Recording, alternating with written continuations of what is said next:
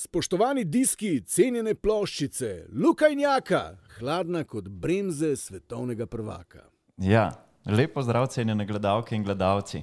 Tako, v studiu se nam je tokrat pridružil šestkratni državni, evropski in pa tudi svetovni prvak iz leta 2013, Klemen Gerčar. Živijo, Klemen. Že živijo. Dobrodošel v studio brez brems. Ja, hvala, sem počaščen, da sem se usedel na ta vroči stolček. ja, ja, ja, danes bo vroče. Ja. Ja, tako je. Tako Da jaz upam, upam, da si živčen, vsaj tako, kot si bil še koliko, ne dve leti nazaj na rampi. Roka se mi trese. A je kaj podobnosti med, ko priješ v ta studio, pa tistemu, ko greš na rampo? Ali kaj huš, kaj bi rekel? Ja, 5-15 sekund ni tlele, ne. Ja, to je res, ja. Poka pa rampa pade, pa pa sem gasne. Itak, ja. Sej sem štart, je, ne, polka enkrat derka steče, ni več ja. tako živčno. Sej padla je, ne? Lih kar v Padla je, bistvu. ja. Sta hudga smo ven, To je to. zdaj sem steč. ja, točno to. Ja, v bistvu smo pa vsi trije zdaj že kar v nizkem štartu za odhod v Arko. Uh, zdaj ti sicer v drugi vlogi kot midva. Um, kdaj greste dol v bistvu? Pa povej, no, malo več v bistvu, zakaj greste. Ja, plan je štartati v petek zjutraj, mogoče malo kasneje, kot smo to delali lansko sezono. Mm, Nastopo bo Jaka, pa Tilen v 125, tako da se v bistvu že zelo veselim. To bo naša prva dirka EMX 125 v letošnji sezoni in uh, sam gas. Šangas. Pa brez brems. Tako, Točno to, tako, to, to. ja. Ja. Šleper sem videl, da na tehnično aj šel čez. Šlo, Šlo. Brez Šlo. problema, zato je A. Miklič poskrbel in rekel, na skanju treba pelati to, da se zrihtajo. Tako je. Kako pa je v boksih prva? Imate ti zdaj kot ekipa, uh, imaš najbrž že kakšen rezerviran boks ali uh, kako je s tem? Ja, v bistvu uh, Foxy je m, pač oseba, ki to vse koordinira, ker dejansko toliko šleparjev, toliko uh, kemperjev in vsega ostalega noter spraviti, recimo v en arkodi trend, je v bistvu kar, kar, kar naporna zadeva. In uh, mi moramo biti načeloma s kamionom tam že v četrtek. Uh, te tovarniške ekipe svetovnega prvenstva so že ene v sredo, tako da je v bistvu skozi pol parkiranje, postavljene tende, mogoče včasih kakšnega čakaš, ker enostavno v vrsto se ne moreš parkirati, če ni unga pred tabo in uh, je kar zanimivo. Ni tako je. Vse to vam midva tudi na lastni koži v bistvu občutila. Ne? Ja, ja, ja, v Ta- bistvu. ta vikend. Ja, jaz sem šel lan uh, na un MX of Nations, prvič v bistvu, da sem bil pod nekim tem MXGP. Na da sem- un MX of Nations. To si pa Ja, tako v povedal, bistvu- da je vikend. Ja, jaz sem šel lan. Uh, ne še, ne še. Ne, se trudim, da bojo. Ja, tako da sem videl, ja, kako se skupaj izgleda, pa je, imajo kar dosti, kar Švico je tam te razni Foxi, pa vsi skupaj. Tako da nas so pol zadaj za en, za en šotor postavili, so rekli, evo, Slovenija. Sem rekel, no super, zdaj imamo 15 minut do proge in to je to. to, ja. Tako da nas so pol zadaj za en. No, Za en Pa če šotor gremo zdaj rekli, evo, približno kaj? slo- 25 let nazaj. Upam, da sem prav rekel. No. Smo lih nekje tam, ko je Klemen začenil svoj, svojo motocross pot. Ja, to je v bistvu dolga doba. Um, PVP se tako, kot verjetno vsi, o naših letnikov, malo starejši, malo mlajši, dokler ni prišel ta KTM. Um, šli smo na eno dirko z Atijem, Ati je v bistvu bil čist nepoznavalec motokrosa. Uh -huh. In tam sem videl, da se vmes vozijo med prvo in drugo vožnjo, malo za hec. In sem rekel, "O, jaz bi pa to stric probo. Ne? In smo šli skupaj do Atija, Ati je bilo malo neroden, no pa nekako so lepo prišla nazaj, da smo ga naštimali, ajde, pet probat. Ne? In seveda nisem hotel dol, dokler ni Ati obljubil novega motorja, kaj pa obljubil, pa mogo biti. To, torej, oče ni vozil nikoli. V bistvu. Ne, nikoli. Prvič mislim, da se je z mano sedel na eno 80, ko, um, pa so se tam po smetišču podobo, tam kjer je bila proga, mal, mal fjakala gor pa dol, ampak ja. Ati nikoli ni bil v bistvu v teh vodah, tudi ni nek športnik. Mogoče mu je bilo bolj všeč, kakšno cestne motorje je on tako za sebe, pa avto razbil in to je to. Ja, manj svinarije, ne predvsem. Ja, nič blata. Než vlata. Ja. Ja. Kaj pa prve dirke se spomniš? Moja prva dirka ja, je bila med kegli Aha, in to sprednostna vožnja v Lukovci. Aha. Um, tam v bistvu sem začel z mojo prvo dirko, je bilo v bistvu na čas.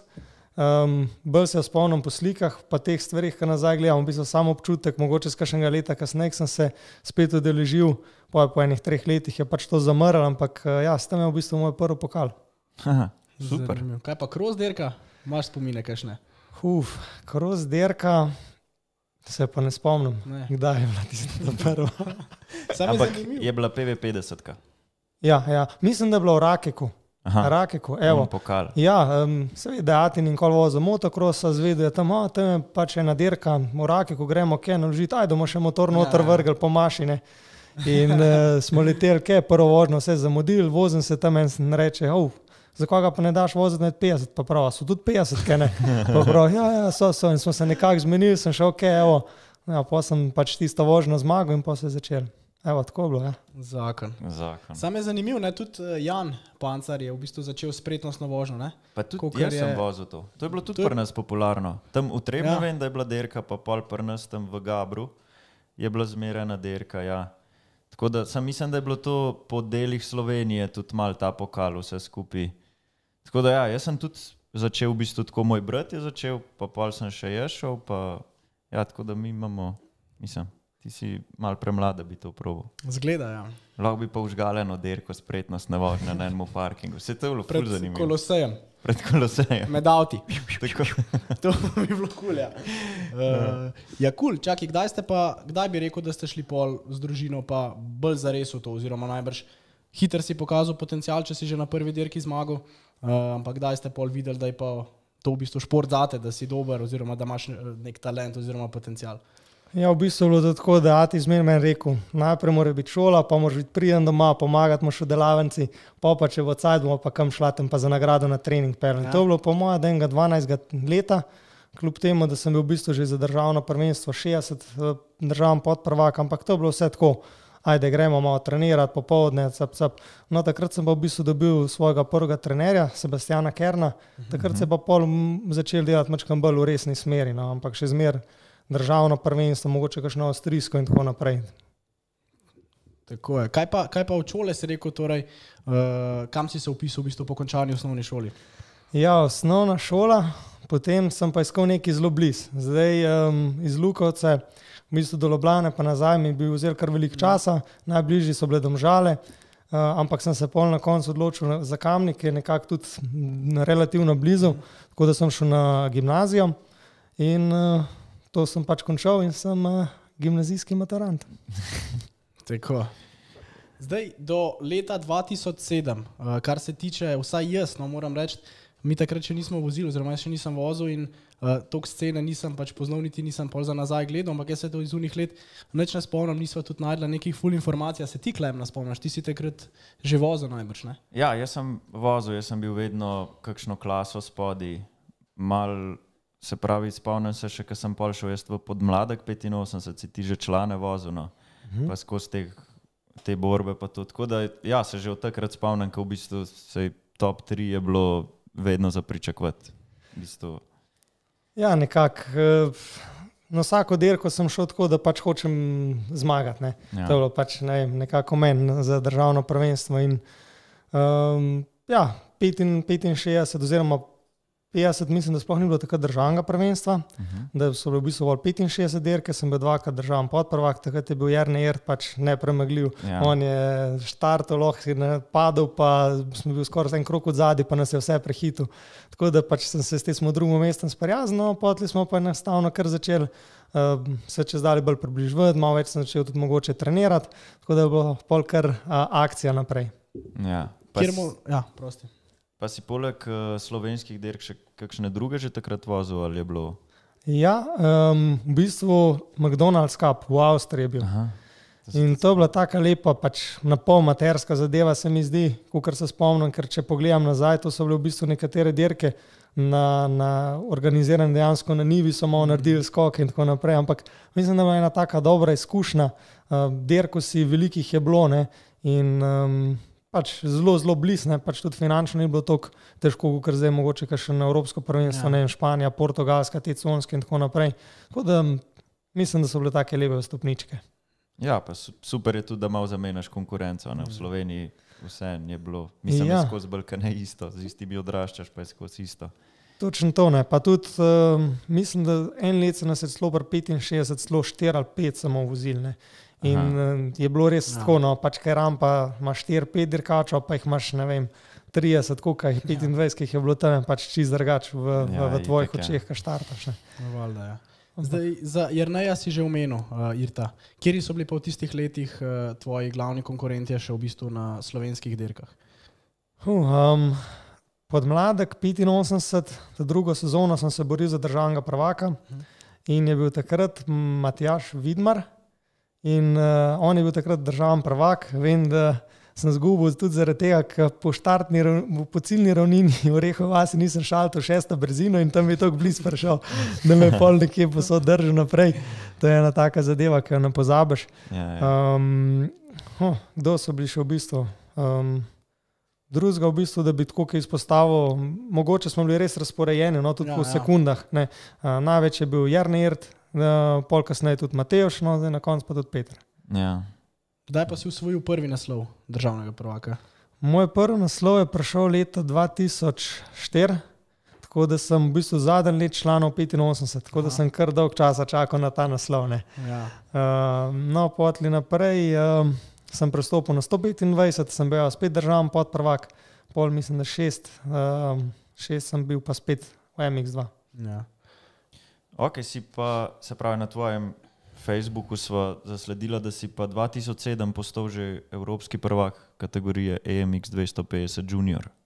Ja, to je bilo v bistvu takrat, današnja lahko rečem 125. Uh -huh. um, Evropsko prvenstvo. In glih tista doba je bila, ko so šli v bistvu z 125 dvotakni motori ven, vsi smo v bistvu s 85, so kar preskakovali na 250, Mhm. ampak uh, jaz sem se odločil, da sem vozil ne vem, takoj 125, ker sem bilo malo strah tistega motorja. No? Ja, ja. In potli sem šel 2006 na 254 tak, 2007 sem pa v bistvu tudi vozil. In uh, ja, bile, bilo je mislim, da okrog 13 dirk od uh, Litve, Latvije, Poljske dvakrat, Nemčije, Nizozemska, Valkensvart, Italija je bila recimo, potem je bila, um, je bila Bolgarija, Ukrajina je bila dvakrat. Tako da je bilo v bistvu kar eno, Rusija še celo mm, močno, močno prvenstvo no, za, pač, rekel, junior zadevo. In, uh, ja, takrat je bil en Rus, s katerim so se v bistvu borila za naslov. Um, in je zdaj še tudi on vedno aktiven, je pa doma v bistvu blizu um, Sočja oziroma tega Krasnodora, kjer je bila tudi MXGP dirka planirana. Aha. Zakon je. Pa se je pol v bistvu, mislim, to je bil v bistvu prvi rezultat tak, ki si ga res naredil, da si nek preboj, v bistvu tudi na mednarodni sceni naredil. A se je pol tudi spremenil kaj, mogoče si postal zanimiv za ekipe, glede na to, da si bil evropski prvak. Ja, mogoče prvi rezultat sem naredil na 85. Evropsko prvenstvo, kjer sem v bistvu bil, moj najboljši rezultat je drugo mesto za Marvinom Muskenom. Uh, No, potli 2007 sem pa v bistvu poleg tega Evropskega mladinskega prvaka, da bil še četrti na mladinskem svetovnem prvenstvu. Ne, tam je Blake Wharton, Lupino je bil takrat eden izmed najboljših in tako naprej. Tako da mogoče to se je malo začelo spreminjati, ne, ampak ker nismo najdel dosti financ, doma pač za 2008, kljub temu, da sem bil prvak, si nismo mogli prvošiti, da bi plano in celo prvenstvo EMX 250, ne, ampak vseeno sem šel pa na sam na sejem v Milano, pa sem tam videl na sliki, aha, uh, Michele Rinaldi, ne, uh, pa Yamaha, ki sem takrat je vozil, sem rekel, stric, tam sem ga nek videl, sem ga pocukal, ej, a bi ti meni kaj sponzoriral, ne, recimo, in ni rekel, ajde bom, pa mi daje Rinaldi kit. Tako da v bistvu tako, tako mogoče se je to začelo malo spreminjati, no, ampak drastična sprememba pa potli 2008, um, ko sem zmagal dirko za Evropsko prvenstvo v Jastrebarskem. O, vrhunsko. Sej, se pravi, 2008 si vozil ta E EMX2, pa zaključil tudi na 13. mestu, kljub temu, da nisi vseh dirk odprl. Uh, ja, v bistvu moj najboljši rezultat je bil pač ta zmaga v, v Jaski, ki je bilo res pač blato. Um, potem smo šli na Mataranca in evo, dobim mail um, od Giacomo Gariboldi, eh, gremo na testiranje, pač um, Butron se mi je takrat polomil, bil skočil noter, tako, ja, itak ni problema, sam čez en teden, ne, zdaj samo Grčiji. Maturanca pa ne damo. Ja, tega pa ne. ne. In sem prišel tam na testiranje, smo testirali, so rekli, ok, in smo štartali v bistvu Slovenijo, potem smo šli Slovaško in tako naprej in smo podpisali pol še za dve leti naprej. Si pa najbrž tudi Fulman pol spil ne, na maturancu, glede na to, da je. Ha. Ja, to bom tako, res sem bil zelo, zelo, zelo priden fan do svojega 17-18 leta. Ne. Pač res tudi, če je bil rum, uh, to se pravi punč, rum sladoled, ga nisem jedel, ne. Aha, na Matarancu sem pa probo tudi uh, jeger kolo. Mogoče kakšne dva kozarčka, ne? ampak sem rekel, potli, zjutraj moramo stati, pa je tlaufati. Priden, ja. Mi smo vrhunsko. ta je krne. Ja. Si predstavljaš, da bi mi dva tako? Ja, mogoče bi bilo kaj znajo. Bi bilo Bi kaj drugače. počakala. Ja. ja, to. Uh, torej, to dirko 2008 si zmagal, ampak kaj, predvsem zaradi tega finančnega vidika nisi mogel uh, odpeljati celega prvenstva. Ja, v bistvu 2007 je finančno bilo tako izčrpajoče, pač za mm, Itak je. moj hat, ja pa mami, da je enostavno sta rekla, pač ne zmoremo več, pelala te bomo na te bližnje, vemo, da za evropskega prvaka nisi. Ja. Um, to se pravi, prvo, mislim, v Italijo smo rekli, Slovenijo, Hrvaško, ajde, če se že dobro pelo, še Slovaško. Ne. To je bil nekak tisti plan, mm. pa vse dirke državnega prvenstva. No. Ampak mm. potli se je v bistvu to, kar, kar malo spremenil. In uh, v bistvu sem pa za 2-8, mislim, da je bil ta let, ki sem planiral, sem pa vozil obe klase, 450 in 250 državno prvenstvo. Tako da sem bil v obeh kategorijah državni podprvak, um, ampak je bilo tako, da sem vozil pol ure plus dva kroga, a MX2, Pa pol sem se takoj. samo preoblekel, oziroma sam majca, tam je že drug motor čakal gor. In to je bilo pa tudi, v bistvu, mogoče rezultatsko ne tako dober, Ja. ampak za moje napredovanje, Pa fizično ja. pripravljeno, je bilo pa to. to. Ja, kad danes tega ne bi mogel. Ne? Ne, ne, danes ne. Danes je bila Ja, težka. ampak, če si predstavljaš ti, da bi šel, da bi imel najprej pol ure, pa pa ja, sem težko. na je. štart, pa spet. Jaz, uh, Če, če le Trenutno. ni nujno, ne.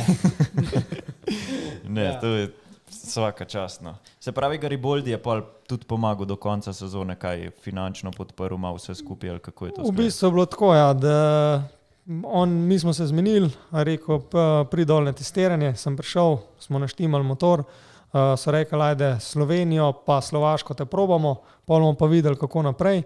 In ker sem pač v Sloveniji, pa Slovaški dobro odpeljal, so rekli, da mi bi kar za celo sezono naprej podpisali, pa smo že začeli pogovarjati z, to se pravi, za naprej. Sem rekel, ok, ni problema, to se pravi, vse, vse kar se tiče materialne stvari, so mi dali. Sem rekel, to je to. Ne. Imel sem pač nekaj svojih tistih osebnih sponzorjev še zmeri uh -huh. in meni je bilo to super, lahko sem še delal šolo, um, tretjletnik in akcija.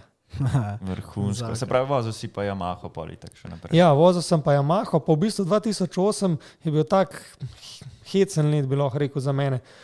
Tega, da sem vozil 450, pa 250 doma, da sem v bistvu začel na svojem motorju voziti, da sem vozil pri Gariboldiju, sem na začetku tudi podpisal z Dixonom za celo a, prvenstvo gor v Angliji. Dejansko sem vozil pet različnih oziroma štiri različne motorje in smo te tiste bilo res ogromen, ogromen der. Gor sem letel, sem imel tam en drug motor, drugo amortizacijo in tako naprej, angliško prvenstvo, preletel domov, kecep, cep. Ampak ja, mislim, da so bile pol neke dobre izkušnje, ampak to pač sem zbiral izključno dirke. Ker so me pač tudi finančno podprli, Itak, ja. ekipe zraven, da so mi vem, pomagali z temi letalskimi kartami in tako naprej. In uh, evo, tako je bilo. Sam jaz si ne predstavljam, Ja. da bi imel, ne vem, da bi mogel v isti sezoni z večjimi različnimi motorji voziti. Ja, ja, ja. Jaz, Mislim, že, eh, jaz se spomnim enkrat, ko sem, nisem dobil kombi motorja, sem balanco dol dal, pridem na derko, jo nazaj naštimam, tako kot je blokal. Ni, Ni bilo ista. isto, ja, je Jaz že sem- problem. ne. Konc je bilo. Ej, s To, tem sem se mogoče tudi sam potli, kasneje v, v karieri malo s- spopadal, bi lahko rekel. Ne, ampak je pa tako, ker dejansko, ker pač nimaš druge možnosti. moraš, Ja, moraš, ja. Enostavno gre. Ne? In recimo tudi gor uh, Dixon me je sprašal, kako se ti lahko peleš na Evropskem prvenstvu, tok pa tok. Sem rekel, zato ker pri Gariboldi imamo amortizacijo, Ja, ja, je treba, imamo motor, tako je treba. Ne? In uh, no, 2008 sem šel v bistvu pelati tudi svojo prvo dirko MX2 v Fajencu. Aha. In uh, takrat je bilo še tako, da je bilo 60 dirkačev, 30 se jih je lahko kvalificiral, sem se kvalificiral in v bistvu prvo vožnjo svojo končal na 15. mestu, tako da to je bilo tudi kar zanimiva, zanimiva dirka. No. Je bila ta 2-8 res ena huda sezona iz vseh pogledov. Ja, dejansko. A pa se spomniš približno, koliko derk si v bistvu na koncu v tistem letu odpeljal? Uf, ampak ne spomnim se točno, ampak mislim, da jih je mogel biti blizu 30. No, No, vse ja. Čakaj, ampak pol tudi en hud rezultat je ratu pa leto kasneje, torej 2-9. Si isto ustrajal v MX, EMX2 uh, prvenstvu, pa vozil vse dirke. Ja, takrat je v bistvu na koncu leta 2008, ko sem pač naredil te rezultate z Gariboldijem, um, smo se nekako zmenili z Yamaho, da pač smo podpisali za dve leti naprej. To se pravi 2009 Evropsko prvenstvo, cilj usvojiti naslov Evropskega prvaka, pa potli naprej iti v MX2 razred v 2010. Um, imel sem tudi recimo ponudbo od Jackie Martinsa, uh, takrat je bil še na KTM, da bi podpisal 3 do 5 let, pa tako naprej, ampak jaz sem se nekako bolj domač ga počutil, pa Gariboldiju, tam sem enega mehanika, ki smo ga tatu klicali no? in uh, bil ves potetoviran, vse posod. In, ne, in tam sem se dobro znašel. Tako da sem v bistvu tam, tam in 2009 sezona, lahko rečem, da je z mojega vidika ena izmed najboljših sezon, oziroma če ne najboljša sezona po sami vožnji, po sami, samem napredku in tako naprej. No, pa tudi rezultat pove svoje. Ja. Zaključil na tretje mesto. Pa ne, po, ne mu povedati, za kom, da vidim, če se bo spomnil. Kdo je bil pred tabo? ja, vem, prvi je bil Šarlje, ja. drugi je bil Jeffrey Herlings, ja, uh, pa tudi Koldenhof, mislim, da je bil okrog 6-7 mesta. Ja. Takrat, tako da je bilo pač kar nekaj menše. No? Tudi eden izmed njih je bil tudi uh, Volkner, Matijas, ki bo zdaj recimo ja. Dakar Rejli. Pa Herjam Brake, ki je zdaj v bistvu mm -hmm. v Pariamahi zaposlen kot trener. Tako da, ja, tiste je bilo kar, kar tak res, res dober let, um, 2-9 in uh, ko v bistvu veš, da premagaš enega Herlingsa, potli ja, kasneje. Ne rečeš, oh, sem pa na uniderki, ja veš. Doma, ki gleda ta zlino, lej, njega sem pa jaz šolo, ne dva dni. Ja, ja, ja. Zakon je. Čakaj, 20, si pa spet, mislim, ostal v tej kategoriji, ampak imaš v bistvu vozil si samo dve derki.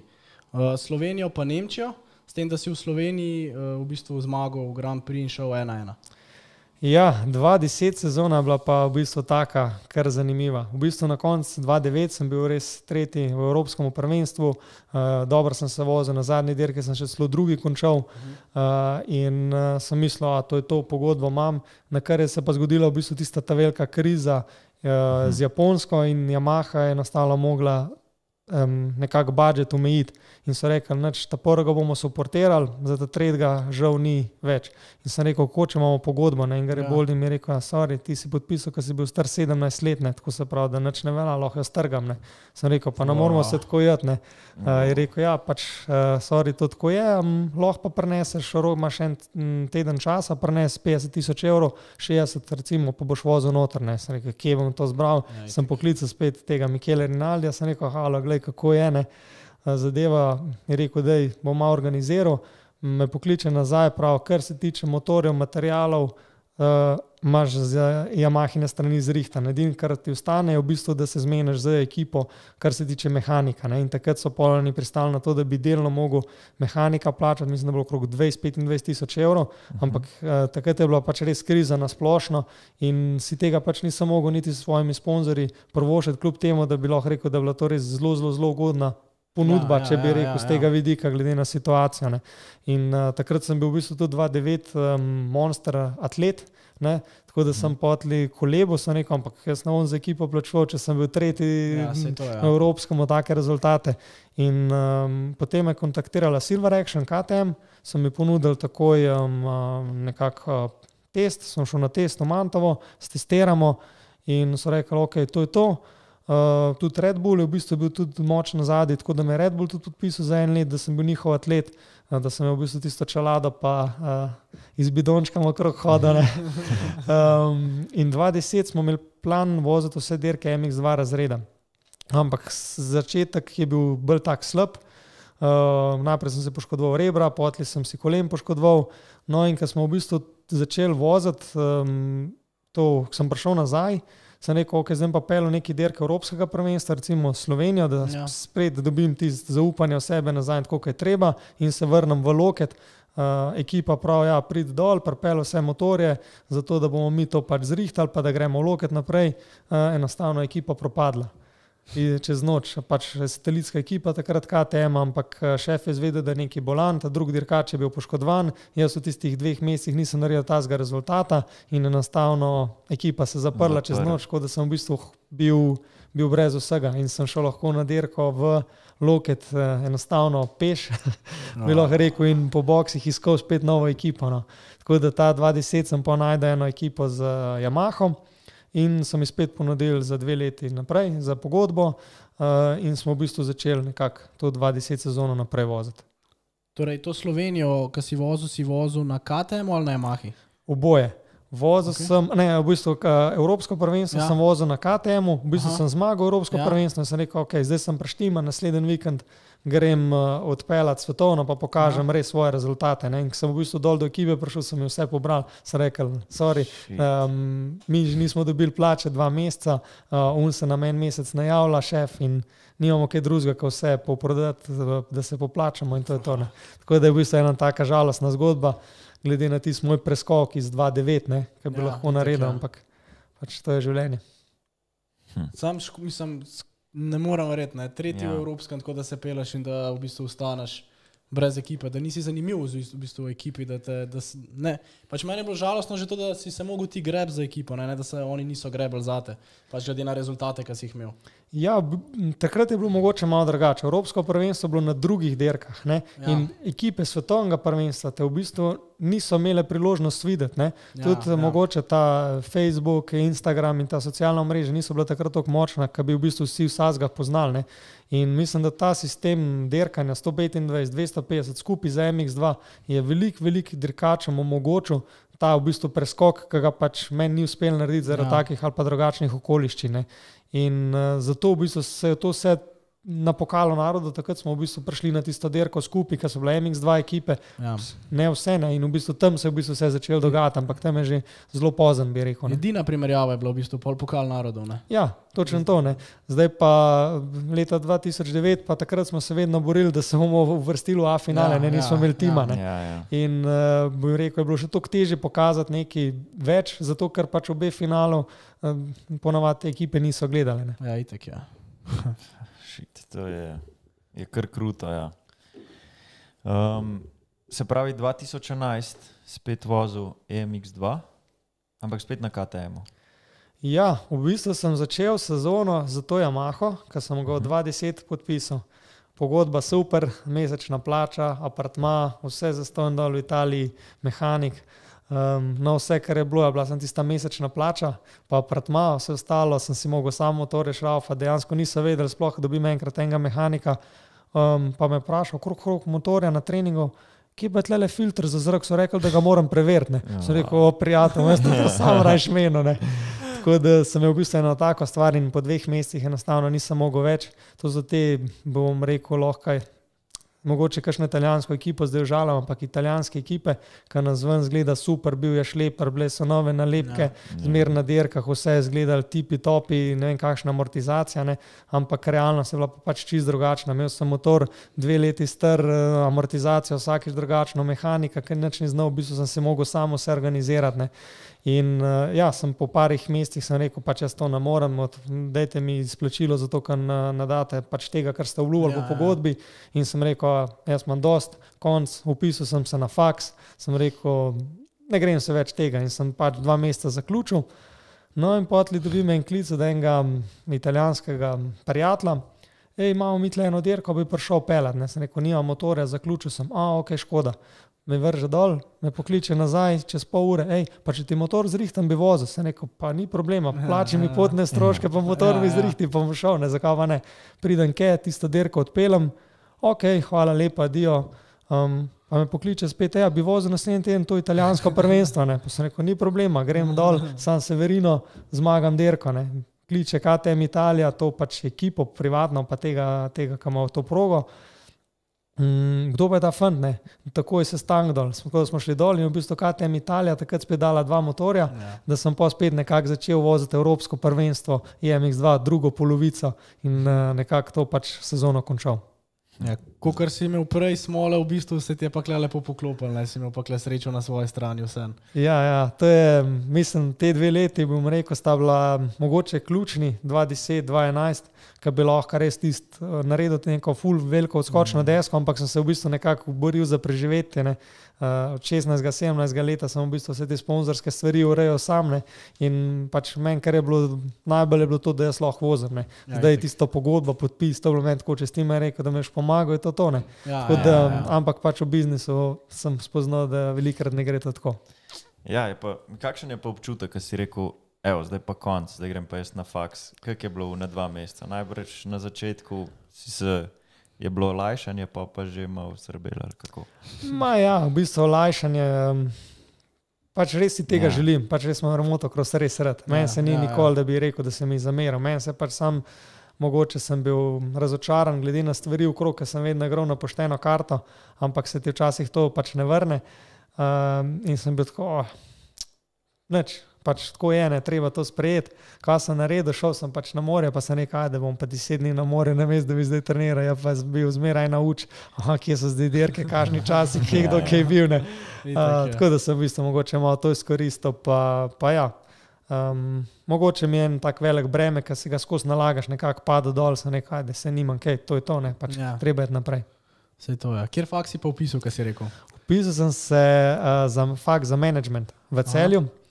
Um, hodil sem sicer pol ene dva meseca, vse en. Ja. Uh, Tisti 2011, kljub temu, da sem pa vozil tiste italijanske dirke, pa to. Uh, in je bilo dosti, da sem spoznal enega dobrega prijatelja, Mateja, Ja. uh, s katerim smo še danes fulno vezi, no, ampak mislim, da tiste dva meseca bomo kar pred tem ostali. ne bo šel nazaj. Um, ne, mislim, da ne. Torej, v bistvu pol nisi imel možnosti izkusiti tega ta pravega študentskega življenja, razne torke, srede, četrtke. ne, ne, sem se vozil vsak dan v cele. Uh, Ko sem pa prišel domov, sem pa potli delal z Atjem. Um, takrat sem se pač odločil, da bom pač pustil motocross, uh, da bom pomagal očetu v mizarski delavnici, da bom ta faks probo pač začeti delati in to je to. ne. Vrhunsko. Se Ja. ja. pravi, pol pa 2012 si pa presedlal v bistvu v svetovno prvenstvo in sicer v razred MX3. Kako je pa do tega prišlo? Ja, 2011, na koncu smo se pol s to ekipo pogovarjali, da bi v bistvu um, nadaljevali, pa bi, pa ne bi. In so me oni v bistvu silili v razred MX1 oziroma 450, ampak s 350 motorjem, meni mogoče tisti ni bil najbolj všeč, pa italijansko prvenstvo, pa nobene take prihodnosti bi lahko na kratki rok rekel ali pa na dolgi. No. In nekako mi ni pač potegnil ta zadeva. Tako da sem rekel, ne vem, kaj bom, in dobim klic uh, iz te češke ekipe, UFO Racing. Um, ej, imamo mi zdaj, ne vem, to je bilo decembra, imamo mi en mesec fraj, zaradi tega, ker se je pač en uh, poškodoval. In uh, a bi bil pripravljen. Sem rekel, ni problema, pridem gor, tam smo malo po čehički se pogovarjali. Ne? In uh, evo, smo se zmenili, ajde, štartimo, dajte vi meni motorje, material, ajde, jaz imam osebne sponzorje, bom malo šel. In smo štartali, smo rekli, ajde, da vidimo, do kam pridemo. Uh, ampak mogoče je bila tudi ena taka stvar, da sem imel ful časa za premislek, ker ni, nisem imel v bistvu nikamor modil. In sem rekel, kaj v bistvu sploh hočem, če gremo v MX3 razred. Sem rekel, letos hočem v Rehovi vasi zmagati eno dirko za, za svetovno prvenstvo Ja. ja. MX3, pa na koncu sem rekel, veselo kamnik na harmoniko zaigrati. ne. Zdaj pa tako, nisem znal ne harmonike igrati, niti, niti uh, v bistvu nisem vedel sploh, kam pašem v, Ja, v razred MX3. ne. Uh, tako da se v bistvu tako se je začela ta 2012 sezona. Ja, zdaj za to, da si v Rehovo zmagal, to vemo. Ne? Kaj pa te drugi del? Tudi je šlo, imel sem eno tako mehko otroško harmoniko in tisto sem nažigal noč in dan. ne. Uh, in evo, tudi to sem potli za špilo, tako da je bilo nekako zelo posebno no, pred slovenskimi navijači. Um, pač zmagati, ampak začetek je bil pa v bistvu kar, kar težek. No. V Valken Svardu mislim, da je bila moja prva dirka 18. pa 16. mesto, pač full, full, full deleč od vseh ostalih, pač tistega cilja, ki sem ga imel. In, ampak ne, vem, nekako sem rekel, moram slediti svojim sanjam, pa v bistvu tismu cilju. In sem pač to delal in pač mi je to uspelo. Sem- Ko pa enkrat zmagaš, pa veš, da zdaj pa to dosegljivo. Če Ja, večkrat ja, zmagam, ja. ja. pa vidiš večjo sliko. Ja, si pa v bistvu že krsno sezono si pa tudi končal na četrtem mestu. Ja, Super, bilo je v bistvu v Nemčiji, ko sem prišel na zadnjo dirko, sem bil drugi še. Sem rekel, teoretične možnosti za prvega še, ampak je bilo vse, ne vem, 26-28 pik pač preveč. Ampak sem rekel, ok, nikoli ne veš, motocross je Mhm. dokler razistavca Ja, itak. napade, ni konc. Ne. In, ampak tam je bil totalen polom, pel sem se res, res, res slabo. Tako sem iz drugega padel na četrtega, ne. ampak eh, pravim, vsaka slaba stvar je za nekaj dobra in še don danes mislim, da če ne bi takrat bil četrti, ne bi imel take močne vole, pa trdega dela, potli za sezono 2013. Saj to, ne. Ampak če se malo uh, vrnemo nazaj na tisto dirko v Orehovi, ne. Ti Ja. si šel ena ena, ne? Ja, ena, ena. In dej, povej, no, mislim, to je en feeling najbrž, ki si ga mi dva sploh ne znamo predstavljati. Ja, v bistvu je bilo to takrat tako. Ne. Matej je bil, Ert je bil ta prvi, ki je zmagal dirko MX3 na Hrvaškem, ampak v Ja. Sloveniji pa nobenemu ni pač uspel zmagati. Ja, Ja, ja. In uh, pač mislim, da je res tako poseben občutek bil, da pač fulje dežval, prej se mi zdi četrtek, petek, tako da sobota, pa nedela sta bila pa res lepa in bilo ful ljudi. In um, že na treningu sem vedel, da ne smem pokazati vseh linij takoj, ker so me kar začeli kopirati, ampak da moram nekako se to malo šparati za derko. Ne. In v nedelo potli zjutraj je bilo pač v soboto zvečer bila še ena ploha, v nedelo je bilo ful blatno in jaz enostavno štartam ta drug, tako na prvo mesto, rekel, to je to, zdaj pa sam fokus, fokus, fokus. In ker je bilo toliko blata, sem enostavno nisem videl, kdo je sploh za mano, kdo ni za mano. In meni se je skozi del, da na enem skoku, ki grem zmeraj enega tako leče, jaz vidim, zmeraj vidim. Ja, ja. Jaz sem ga tišel, kot pri norcih, sem pa videl, pa Mihka za en krok, Iberundam, pa Unga. Wow. Sem rekel, kjer sem bil. Ne? In pol, ko sem prišel v cilj, sem v bistvu videl, da sem ta drugega pustil za 50 sekund od zadaj. In uh, je bil pač tisto. Oh. Okay, gled, ni, gleda, ni bil tisti drug, ampak nekaj sem prehteval. Ne, ampak sem rekel, ne, ne, ne rabiš imeti fokus. Ne. Ja, e, je bilo pač, reč, pač booster za, za samozavest in vse sem rekel, ajde, zdaj pa drugo vožnjo isto. Ne. Ampak tam sem pa pol videl, ne, kjer je ta drug, to je samo kontroliran.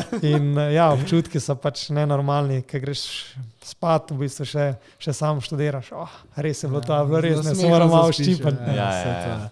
ja dirka za svetovno, to je. Je še v planu. Ne, ja. že ta, ta, že ta vikend greva v bistvu malo v, to, v te vode, malo bližje, ja. Ja, tako, ja, ja. ne svetovno. Ampak... Mogoče veš, da je. Kot smo rekli, zdaj so derke spremljevalne, ne? mogoče ja. pa naj kdo vidi, vidi naj potencijal. In, uh, se ja. zabati. Ja, mogoče se bo zares iskal nove dva voditelja. ja, drugače pa.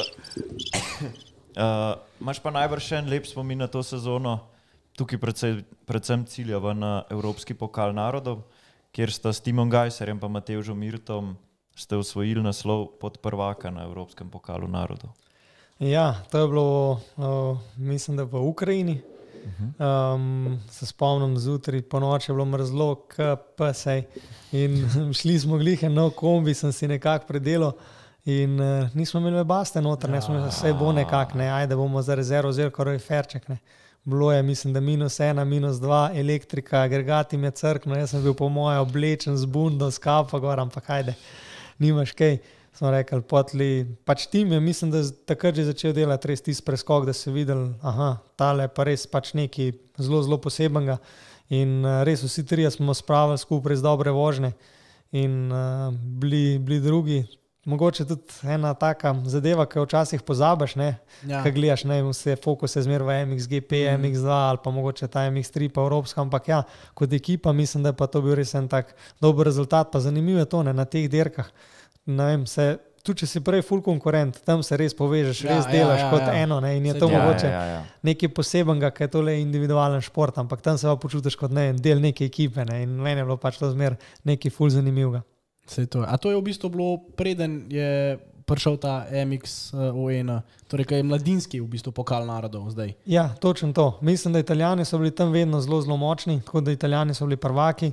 Uh, ampak tudi francozi, recimo, so zmeraj poslali zelo, zelo močno ekipo tam, ampak kakšno smo bili mi takrat v tistih razmerah boljši, je bilo tudi nekaj tako blatno, tako da to nam ustreza. Ja. In to je to. To je vrhunsko. No, zdaj smo pa prišli ne, do sezone 2013 ki pa zihar ima v tvojem srcu en poseben prostor. Ja. Kaj bi to bilo? ne vem, po mojem, smo se fajn imeli. Sigurno. ja, ne, dva sezona, 2013, je v bistvu ta fokus, pa moment, ko sem se ga začel nabirati, 2012, zmago, pa pa če derkami naprej. Sem rekel, da ja, je edini cilj, ki je v bistvu 2-13 osvojiti naslov svetovnega prvaka v MX3 in potem nazaj preboj v razred MXGP. Uh -huh. Um, to mi je bila v bistvu tista neka odskočna deska, da bi v bistvu res spet probil ujeti tiste dve zamujena leta. Ne? In um, ja, že fantastično se je začelo, v bistvu brez samega pritiska, kukar koli. Um, bila sva s prijateljem Rokom, uh, dvakrat po 14 dni na Sardini, uh, tako v Kemperju, res proščeno, ja, super, glavno sam vozil se tam in to je bilo to. Ne. Pač nobenih se mi zdi obveznosti, mm. res free mind. In, pač so bile res, res, res dobre priprave. Ne. In potem se je to v bistvu nadaljevalo v Arkensvardu. Um, tukaj moram pa mogoče še za to sezono povedati, da sem začel sodelovati z Nenadom Šipkom kot trenerjem. Uh -huh. In on mi je ogromno pomagal. Jaz verjamem, da brez njega mislim, ne bi nikoli mogel narediti tega rezultata. Zato, on je imel tisto trno, trdo roko, um, delal sem runde 40 plus 2, skozi non-stop, zato pač ni bilo veze, kam smo prišli, to je bilo treba 40 plus 2 narediti. In mislim, da mi je dalo v bistvu neko tisto tisti fokus, pa tisti, um, da ne odnehaš ne, in enostavno mm. grizeš, grizeš, grizeš. In, in to me v bistvu, mislim, da prepeljal skozi celo sezono na koncu do naslova svetovnega prvaka. Ja. Ampak je bila pa. Ta, v bistvu do, do zadnjega se ni vedel, kdo bo prvak. Ne? Je bil boj ja. v bistvu hud. Še, kaj je bila zadnja dirka v Šenkvicah? Ne? Ja, zadnja dirka je bila v Šenkvicah na Slovaškem. Uh, v bistvu sem tudi v Rehovi vasi pač prvo vožnjo zmagam, v redu, drugo vožnjo vodim, ne 30 sekund, pa rečem, res fokus, noč gledati okrog, da se ti nekaj zgodilo, spuščam in sem začel spuščati po 3-4 sekunde na krog v primerjavi z drugim, tretjim.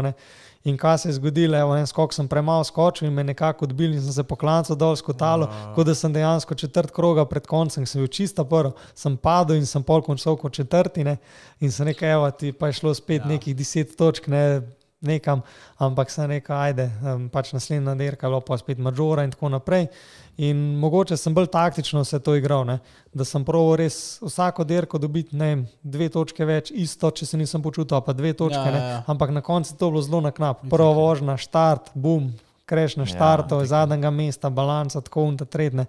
Tako da, ja, bilo so, bile so pač tudi mogoče malo take umazane igre na koncu, ker pač te ekipi, ta drugi, ki je bil Mihak noter, se je res šlo, da bi bili svetovni prvaki, ko so vedeli, da je to pač ta zadnji let. Ja, ja. In uh, so ponujali, mislim, da okrog 100 tisoč evrov moje ekipi, če bi se kaj zgodilo, tako da z mojim wow. motorjem in ne vem, kaj še vse.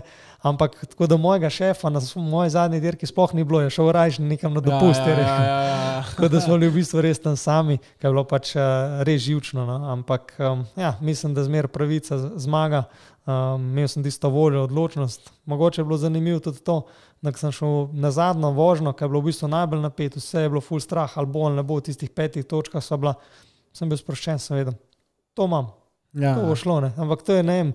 Ena izmed dirka, pa vožen, ki se ti naredi, mogoče dvakrat v karieri, ampak tam ne, sem bil pač sproščen in je pač rata. Si vedel, da je to to. Ja. Ja. Se to, to je redko, ampak pa je pa luštene. Ja, ja, ja, ja. Je pa hudo. Ja. Lahko se gre za svetovne prvake. ja, dobro, to mi dva ne veva, ne? Ampak... Ja, ne si predstavljava, ne? Ja, proba vas, ja.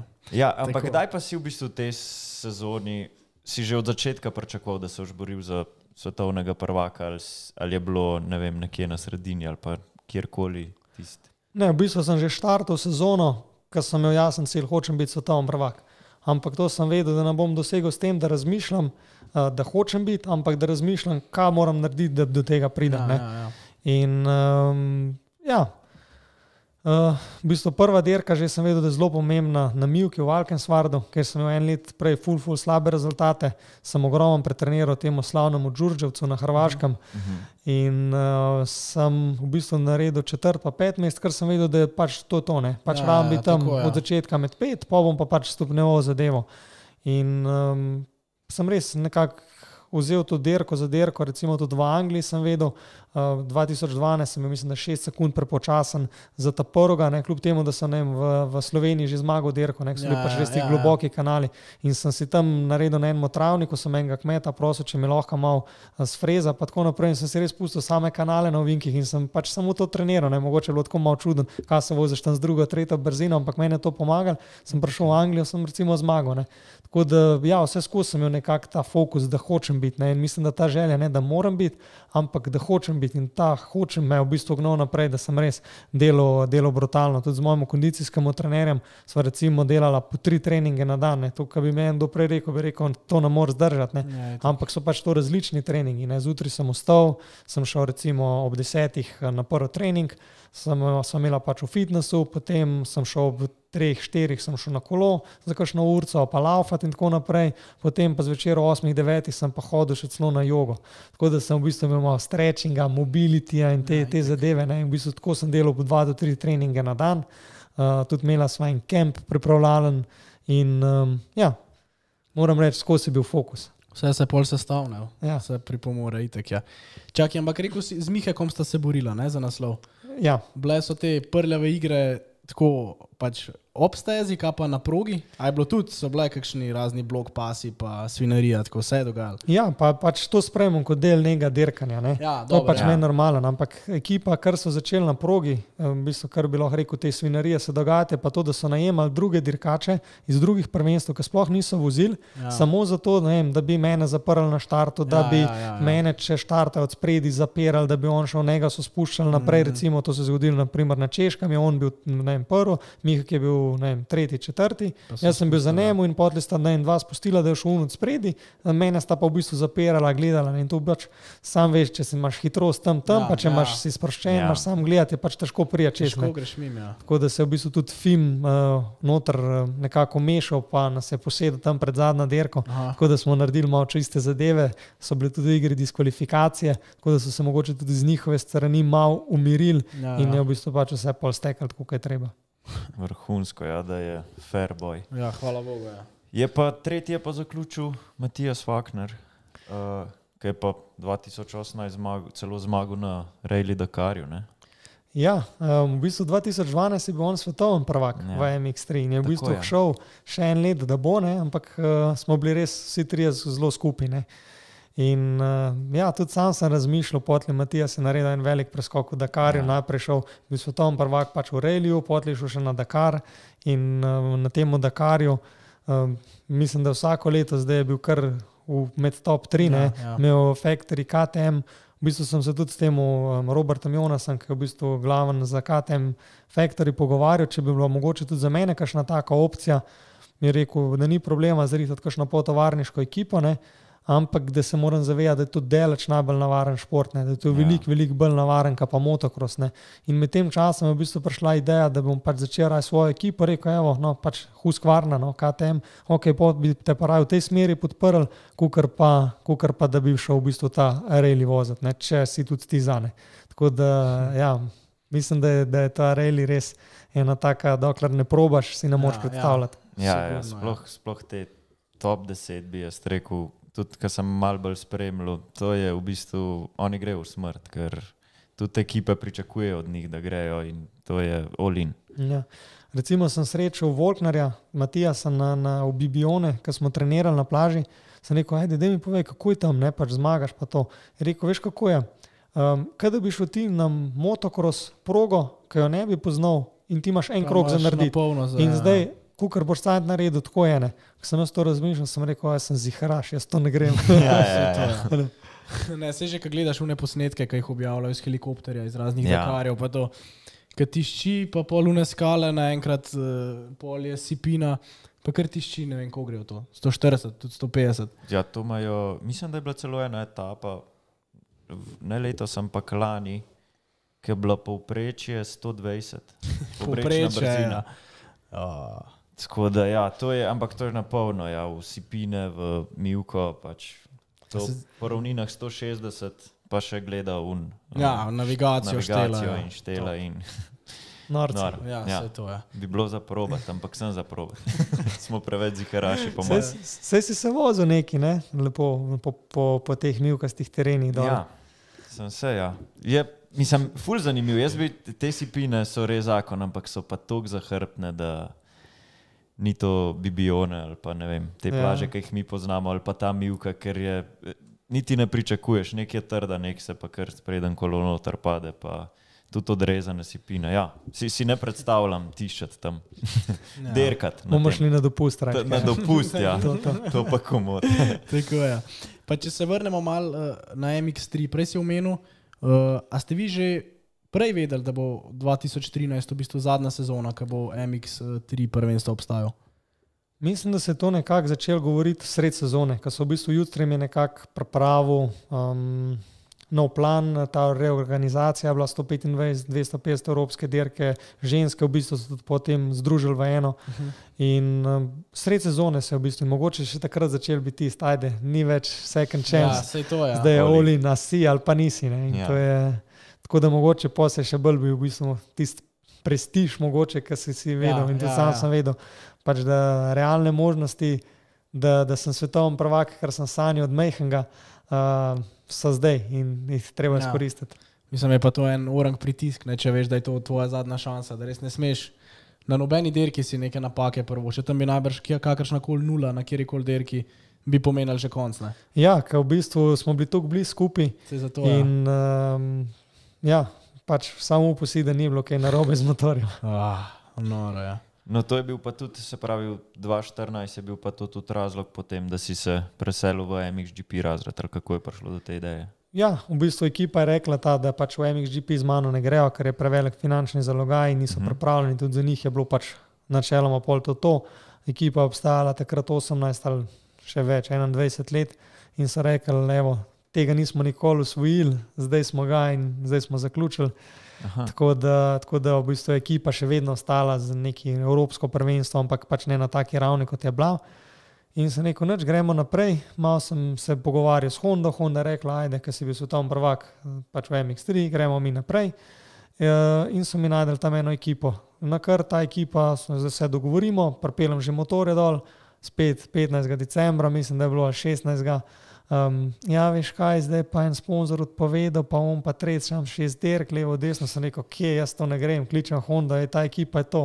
Se naredili in so meni oni najdel pač drugo ekipo, ampak to je bilo vse full pozen spet. Ne. Mislim, da sem šel jaz uh, po Božiču prvič na motor sploh. Uh, Katar se je pa začel pa konc februarja. Ne. Tako da v bistvu se začetek sezone bil tako malo težek. Uh, in 2014 sem v bistvu imel tudi nekega italijanskega menedžerja, ki smo se v bistvu zmenili, da se je odkupil po odrese in tako naprej, in je imel pač neke stvari on čez za pokrit.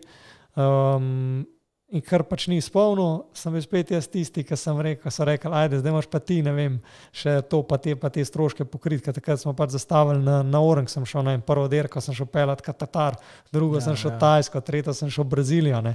Tako da pač je bilo nekih finančnih stroškov od zadaj. In uh, tako da se je v bistvu ta zgodba potli po enih petih, šestih dirkah uh, končala, ker pač jaz nisem mogel pokriti tistih ne vem, 20-30 tisoč evrov, ki so pač bili obljubljeni. Ne. Ja. Tako da me je pač Honda premestila v drugo ekipo, 24 MX, pač Honda mi pač eh, vedno ostala ob strani, ampak dejstvo je, da pač imaš ti toliko teh zadev, vse sem to samo urejal, mogoče še ne vem, pred Međoro sem tam prosil ekipo, da so mi dali motorje, Ja. vam pa so mi dali standard, pa smo pol tam neki improvizirali. Tako da 2014 je bilo mogoče spet malo deža, v bi lahko rekel, sezone Ja. 2010 ne, in sem rekel, ah, kako se to more zgoditi, ampak pač. Neč mi je že pač tako namenjen za mogoče kaj drugega. In sigurno je bila to ena res dobra šola za naprej. Si pa v bistvu glih 2014 naredil svoj najboljši rezultat, če gledamo skupni seštevek. Uh, v bistvu si s 37 točkami, ki si jih osvojil, končal na 29. mestu. Um, ampak le smo spustili, prej smo pozabili vprašati mene, predvsem to zanima, če gremo malo na 2013 nazaj. Um, rekel si pač, mislim, da vsi, ki se gremo športom, imamo neki cilj, čeprav v večini primerov je to nerealen, da bi bili enkrat pa svetovni prvaki. Ne. Ampak eh, kako si pol tok naslednjo jutro, ko si se zbudil, ko si bil pač prvič držav, mislim, eh, svetovni prvak. Kaj je bilo drugače, kaj se je spremenilo? Je bilo tako, kot si pričakoval, ali si pričakoval mogoče več, manj, pač popelnaš čez to, v bistvu, čez te občutke. Ja, um, ko sem bil majhen, pač meni, ko sem začel z motokrosom, ni bil nikoli cilj, a pa ni bil očetovski cilj od mojega ati ali pa to, da bi bili pač svetov, da delamo Ja, za to, da sem svetovni prvak. Ampak če sem bil priden, je bila to neka nagrada. Ne? In mogoče sem tudi te stvari pač tako jemal korak po koraku. Ne? In enkrat se spomnim, sem eno slabo oceno dobil uh, v šoli, pa ti rekel, ko misliš, boš od motokrosa živel, sem rekel, "Mm, bom, enkrat bom, ne pa prav. Ne? "On, Ko misliš, da boš zdaj svetovni prvak, ko boš svetovni prvak, pej se učiti v šoli. Ne? In to mi da pač tisto, da moram pač šolo delati. Ne? Ja, itak. In potli sem jim mogoče zmer to, enkrat pa bom. Ne? In takrat sem se to spomnil, sem rekel, evo tega. In ker sem v bistvu bil, takrat je bilo pač res nepopisanega, tudi moj ati mi je izdelal pač eh, personalizirano harmoniko, prav za Aha. šenkvice, tako da sem v bistvu tam dobil, jo, sem bil svetovni prvak. Um, ko sem prišel domov, so me pričakali v, v Lukovci, kljub slabemu vremenu, pa drži, ne vem, mislim, da je bilo okrog 300-400 ljudi. In pa smo se pač preselili tam malo pod streho, nekam, je enih petih, šestih zjutraj. Ne. In uh, ja, ne normalno, koliko pač uh, klicev, koliko ljudi se v bistvu spomnijo Ja. na tebe. Um, čestitk uh, vsega tega, ne pač res. Res bilo pač nekaj fenomenalnega, ampak kar se mene tiče, sem si rekel, oh, to je to, ne. To je to, ne. je bilo pač res dobro. ne. Uh, to, to vprašanje sem v bistvu bolj kot ne zato postavil, ker sem zdaj gledal Gypsy Tales, podcast, ki je bil Anderson. Ne vem, če sta, če sta gledala. In je isto Andersona v bistvu ta vprašal, kako je bilo, ker si bil prvak, mislim, da je bil 2018. Um, Ja. in je rekel, da ga je ful uničil to, um, ker je ful več pričakoval od tega naslova, tako da se bo pač drugače počutil, ne, da, bo, da, vem, da bo neko zadovoljstvo, ki ga pa v bistvu pol ni bilo.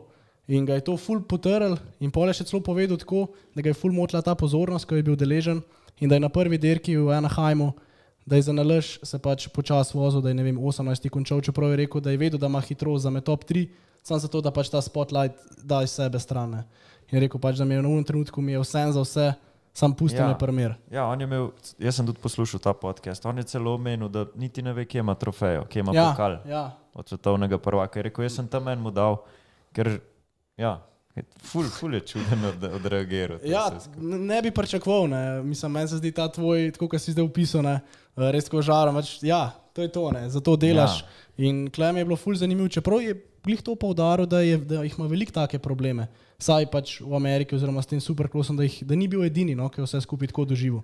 Ja, se mi zdi kot športnik, recimo, ki praviš, priješ, pač gre tako, zmagaš eno dirko, ne, o, zdaj pa hočem biti prvak Ja, ja, državam, pa zmagaš državno, ja, ok, zdaj pa hočem biti nekaj več, nekaj več, nekaj To je več. pa Ne. najvišja Ja. štenga. Ne. In, ja, ampak velikokrat je tudi tako, da v bistvu si pol, ne vem, svetovni prvak, hočeš biti še enkrat svetovni Ja. ja. prvak, pa še enkrat. In Ja, ja, pa si kar ja. razočaran, če ti ne v bistvu Ja, ja, ja, narata, ja, ja, namesto ja, da bi ja. se malo ozrl nazaj, pogledal, malo okrog obrnil, pa rekel, hej, lej, kva, Ja, kje to, smo ne. vse prehodili. Ne. Ja. Ampak se mi zdi tudi mogoče ta m, filozofija, da m, ni važen sam cilj. Pač recimo, to imam sam v mojem življenju, ampak tudi pot, ki jo prehodiš do Ja, tam. In ti, je. če na tej poti uživaš, je to to. In za mene je bilo to. to. Zakon, ja, top. Uh, res dobro. in- Definitivno zasluženo. Točno to je. In to je bil tudi v bistvu prvi naslov svetovnega prvaka v motokrosu za Slovenijo. Ne? Ja, to je s tem se lahko pohvalim. da sem bil. Um, uh, ja, tako da sem brez besed. Vse je to. ne. Um, evo, pa smo v bistvu pri letu 2015, uh, isto si pelil MXGP prvenstvo, torej dirke svetovnega prvenstva, uh, ampak je bila v bistvu v tem letu se zgodila ena velika prelomnica za te. Ja, v bistvu že začel o tem govoriti. Ja. glede zaradi tega sem rekel, sem kar z roko po mizu udaril na koncu 2014, sem rekel, tega se pa ne grem več. Vedno, ko sem v bistvu v tistem momentu, zmerno se nekaj zgodi. Ja. in zmer sem od, odvisen od nekih ekip, od nekih tretjih faktorjev. Ne. Uh, ampak ponovadi samo zaradi tega, ker nisem imel dovolj finančnih sredstev. Ne. Sem rekel, zdaj pa če jaz to situacijo res dobro zapeljem, probam, vem, da bo ful težko. Manj kombi, easy up, orang narejen, malo poštivamo zadeve in vidimo, koliko suporta je nek dolgoročni plan. In uh, nič, sem plunil roke, uh, sem rekel, stvaramo svojo ekipo. In sem rekel, nič, najprej je bilo to 62 motosport, to je bilo najlažje, 62 številka, motosport ekipa in, in je v bistvu šlo. Uh, Huskvarna me je takrat podprla. Mm, sem rekel, tudi neko vizijo imam, da mogoče v prihodnosti naredim tako ekipo, da, um, da v bistvu razvijam mlade talente po svoji končani karieri. In so rekli, to se nam pa zdi dobra zadeva. In Ja. ja. so rekli, ok, dajmo. Plus tega, da so še rekli, da bomo, bomo videli, do kam lahko tudi ti še vedno prideš. Mm. Ker sem jaz spomnil pač iz 2008, 2009, pa pač tudi 2013. Ne. Um, ja, v bistvu sem dobil mehanika in sem začel stvari, kar se lepo sliši, uh, pa kar od začetka mogoče vse fajn zgleda, ni to tako, kar v bistvu mogoče zgleda. Ne. Ja, ja. Tako da je ogromno enih, enih stvari od zadaj, organizacije, dela, ljudi. Kar naenkrat, prej, ki si v bistvu bil dirkač, si vozil, se začneš študirati, koliko imaš še gumno zalogi, koliko Ja, ja, je ja, musov, ja. ja, ja. a so vse nalepke prišli, so sponzorji na ta pravo mesto, so banari, je to, je unija, te tretne. Tako da v bistvu potli gre fokus mogoče malo drugam. Itak je, razdeli se, ne, za več stvari si v bistvu odgovoren. ne. Ja, um, mogoče 2015 um, je bila tudi ena stvar, sem začel delati s Harijem Evrcem. Um, in mi je v bistvu on veliko stvari povedal. Bil sem ene tudi dvakrat, ene 14 dni, 10 dni prenemo doma in so se tudi tako v bistvu sva na prijateljski ravni um, še don danes. In um, ja, rekel, fokus tvoj je problem, ne? zato ker Ja. ti imaš uh, program od zjutraj do večera. Ne? Ampak, če hočeš biti res profesionalen, res dober dirkač, mora biti tvoj fokus samo dirkanje. Ne, Itak je. ne moš ti še študirati, da bo avspus reparirati, da bo to, da bo une. In te stvari, v bistvu, kljub temu, da vse narediš, mogoče mentalno nisi tam, kot bi mogel biti. Ne. Zato je to teže bilo, ker sem prišel na dirko, je bilo za mene, uf, naredili smo, ne, Ja, tam to, smo, ja, bravo, ja, ja, ja. Ampak v bistvu ne, Tam se šele začne. tam se šele začne. Ja, je. Se to je, ja, mi si sploh po mojem ne znamo predstavljati. Mislim, jaz sem, ki pomislim, že koliko recimo samem, ko grem na eno državno, koliko Ja. ja. enih skrbi pa vsega, da ne bom kaj pozabil, pa sem ne vem, v Brežicah, tu če sem kaj pozabil, pokličem pa mi prepelejo. Ja, Ja, Zdaj pa, ja. ko se peleš v Latvijo, koliko je to enih skrbi pa vsega, da, da ti vse spravaš gor. Ne? In priješ, najbrž je kar problem, če priješ gor brez škorno ali pa če se tazga. Ne? Ja, ja, je kar. Ja, pa že najbrž tudi enih papirjev, pa vsega. Mene je Ja. zdaj le šokiralo za tole evropsko. Um, ne, ker vsak dan sem nek nov mail dubu od Infronta, pa še to, pa še ti za zrihtati. Pa ni to nič, ne, v primerjavi s tem, kar si imel ti. eh, V bistvu, da imaš celo ekipo. Ne. Tako da, ja, jaz mislim, da si res sploh ne znamo predstavljati, koliko je od stroškov do dela organizacije, pa, pa če enih papirjev vse za zrihtati. ne. Ja, ogromen. Mogoče velikrat me ljudje vidijo, ne, s kakšno kapco nazaj, sploh v tistih letih sem to imel rad, pa tako pa malo na čilu zel, pa malo frajerčka špilo. Ne. Ampak eh, ja, za tem se skriva tudi ne samo to, um, ampak veliko, veliko eh, dela, odrekanja. Uh, Mrk je tudi do 3-4 zjutraj, zato pa še bilo treba pač narediti gume, unte, 3, četrt, pač ni bilo drugega, sam mehanik ni zmogel vsega, ker sem hodil do zadnjega trenirati, potli zrihtati, se sedeti, spelati, ne voziti recimo. Ne. In mogoče ena izmed teh um, stvari je bilo tako v nedelo, ko je bilo vse konc, pospravimo, cep, cep, sem rekel, ajde, štartamo mehanike, vozim, ne vem, do enih zjutraj, polnoči, pa sem šel pa jaz naprej ja. po svoji dirki, pa sem rekel, neč ob sedmih, osmih zjutraj moramo biti doma, treba ven zložiti gas, tako da velikrat, sploh nisem spal, v bistvu iz nedele na ponedeljek smo prišli domov, tako da sem pol tisti ponedeljek, ko je bilo vse narejeno, rekel, ok, zdaj pa imamo malo počitka, Ja. malo spanca, pa da se do torka, ka torka je spet akcija naprej. Oh, fuck, bi. Si, ja, noro. Ja, pa, pa si imel v bistvu za to sezono 2015 še kakšne druge pogodbe ali jih nisi sploh hotel videti? ali Ali kako pa ponudbe tudi. Ja. Mm, ne, v bistvu, da bi zdaj en prišel na moja vrata trkati, ni prišel, ampak čisto po pravici tudi nisem nikoli v krog hodil. Za 2-15, zato sem rekel, ne grem se, pač ne Ja, grem. ja, ja, ja. Mm, In, in, in konc. Zdaj je vedno tista opcija, a kaj pa če bi te poklicala tovarniška ja, ekipa. Ja, ne. ja, ja. Um, bom tako rekel, je to ena prednost, siguren, ker vse dobiš, ne, greš, kaj imaš to un ta tret. Ampak po drugi strani sem se pa sprašval, ne, um, to se pravi, vsi tisti, ki so ti pomagali, pa če nekaj postaviš take rezultate, zakaj mogoče tovarna ne bi te pomagala, pa prišla nasprotno z motorjem, z mehanikom, pa da ti še zmerno lahko to pač odpeleš. Ne, sigurno Ja, to ni v ja. njihovem interesu, ampak mogoče sem rekel, če do zdaj funkcionira, zakaj ne. ne. Uh, Pa če gledaš to na dolgi rok, je potli to težko tudi ne vem, sred sezone reči, kar uh, ja, zdaj sem pa dobil tovarniško podporo, zdaj pa Ja, ja, itak, ja, uh, itak. hvala lepa vsi sponzorji, ki ste mi do zdaj pomagali. Ne, ne, mi ta z gumah bomo na Pirelli, ne bomo tam, ne bodo tudi sponzorji pač tako rekli, ni več poti pol nazaj, pač res um, enosmerna vozovnica. Ne. Ja, itak. Ampak mislim, da tovarniška te še vse potegne noter. Ja, valjda ne. Ja. itak. Uh, vsem pa nisi bil sam, nisi šel sam v to zgodbo, zikar si imel pač ljudi okoli sebe, najprej si imel mehanika, kdo je bil šel v bistvu zraven takrat. Ja, dva sva bila, ki sta bila upeta to 24-7, to je bil v bistvu um, moj uh, mehanik, uh, sam sem bil noter in pač iz tega vidika vem, da je bilo zelo, zelo težko. Imel sem kondicijskega trenerja, uh, še posebej in uh, v bistvu smo bili majhna ekipa treh, um, ki smo v bistvu to furali naprej. In uh, ni bilo pač kamiona, še ni bilo teh velikih stvari, je bil v bistvu kombi. Ja. Mislil sem si pri kolcu, easy up, lepo postavljen, mogoče še dva easy up, malo tako hospitality sem probil narediti. In takrat je tudi 2015 prišla do mene MXGP. Uh, produkcija je rekla, ali lahko mi to malo posnamemo, kako kaj. Tako Ja, da so v ja, bistvu ja, naredili ja. res en tak lep video, kako je sploh voziti kot privatniku, ti si v bistvu vse, ne, ker sem bil mogoče eden izmed prvih tistih, ki so se odločili za svojo ekipo. Ne, Ja, ja. V ti pač takrat, zdaj vemo, da je pač dosti veliko tega. Ja. veliko tega. ne. Uh, ampak takrat sem bil pa, mislim, da kar eden izmed prvih. Jaz se te še spomnim, glih v Arkotu, mislim, da je bilo 2015, ne bom zdaj le trdil, Ja. uh, ker sem šel pelati eno evropsko 125 uh, in smo bili v bistvu takrat skupaj. Ja. To je bilo po mojem lih, ja, prva sezona, v bistvu, ko si šel na svoje, eh, kombi pri kolca, ja, točno se spomnim. Pa gas. Pa gasa, ja, zakon. Pa ti je bilo kdaj žal, da si se tako odločil? Ne, nikoli. Zaradi tega, ker mm, mislim, da vse te stvari, te dejanja, a pa te dogodke, ki so se zgodili v mojem življenju, so me pripeljali do takšnega, kar sem danes. Ne. In um, vsaka pač je ena dobra šola za naprej. Um, mogoče nisem izpolnil vsega tistega potencijala, kar se tiče dirkaškega, ki sem ga imel v letih 8, 2008, 2009, mogoče pol tudi še eno spon 2013. Ne. Uh, ampak mi je dal pa po drugi strani ogromno enih izkušenj za življenje, ogromno enih ljudi sem spoznal, uh, ogromno enih menedžerskih, menedžerskih izkušenj sem imel, ne, ker sem v bistvu hodil to študirati, kot da sem jih prek prakse dobil. Ne. Sej tam si kaj, se, tri mesece si pa hodil ali dva, ne? se si tam veliko znanja odnesel. Ne? Sem, sem, ja. Ja, v bistvu zdaj bi šel lahko nazaj in mal predavati, Tako, ja. ker si imel šolanja. Mislim, da se oni z mojo prakso ne bi strinjali. Ne. Kaj pa je bilo v ekipi tako, ki si, mm, ki si prišel, mislim, ki si se lotil tega, da te je najbolj presenetilo, da sploh nisi pričakoval, vem, da je to pa tako, oziroma da boš v to mogel toliko dela vlagati pa časa. Kaj je bilo tisto, kar te je res najbolj šokiralo?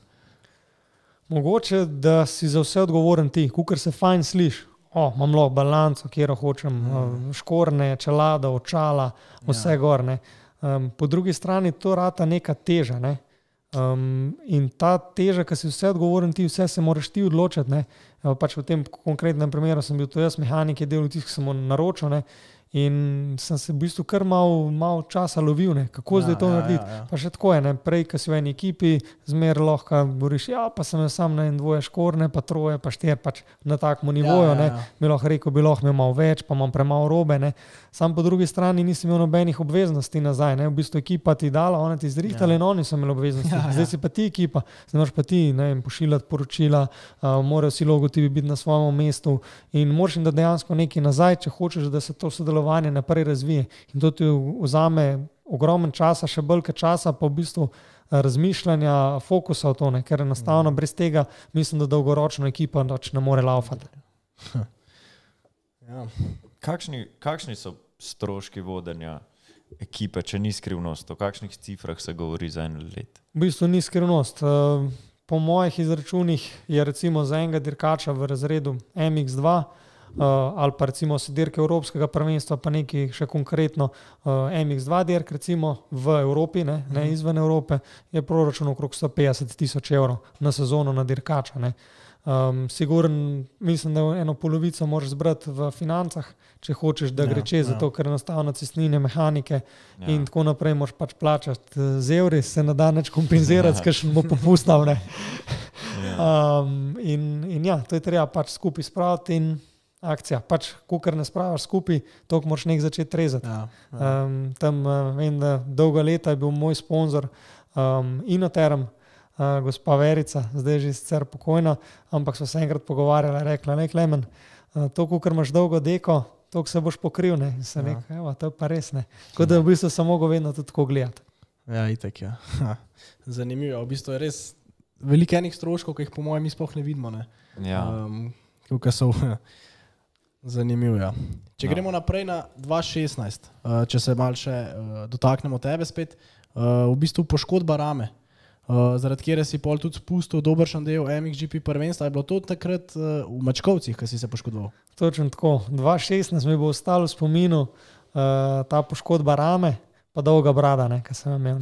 Ja, Takrat se nisem bril, po moje, skoraj en let. in po je padla stava in sem si v bistvu tista obrada enkrat pobril. Ampak ja, nazaj v poškodbi, to je bila v bistvu moja ta prva taka uren poškodba, da, sem, da je zahtevala operacijo. Uh, sicer sem se dokaj hitro vrnil po osmih tednih nazaj, ampak mogoče glava ne dela več, Ja, kot ja, bi ja. hotel od začetka, ne zaupaš. Mm, bo rekel na teh mojih lastnih izkušnjah učenja, zaradi tega, ker sem bil včasih malo finančno prekratek, smo se mi sami igrali malo z amortizacijo, unta teren, Ja, samo ja. ogromno stvari pač sam sprobati. In mislim, da ta padec je tudi botroval k temu, zato ker prav za tisto vožnjo smo drastično nekaj spremenili, smo rekli, da tle so full mehne luknje, bomo mi zaprli tok pa tok klikov in tako naprej. Ne. In tam je bil pač en uh, prijump, si ga mogel in pač, ki mi ni dosti hitro nazaj vrnil, mi je enostavno me je kikal na čez in, in to je bilo to. Takoj, ko sem padel, sem vedel, da nekaj ni v redu. In ko sem prišel domov, nisem mogel spati. Uh, zelo redko vzamem kakšen tablet proti bolečini, ampak Ja. ja. tisto noč sem ga mogel in evo, operacija, uh, smo prišli nazaj, razgibavanje in naprej.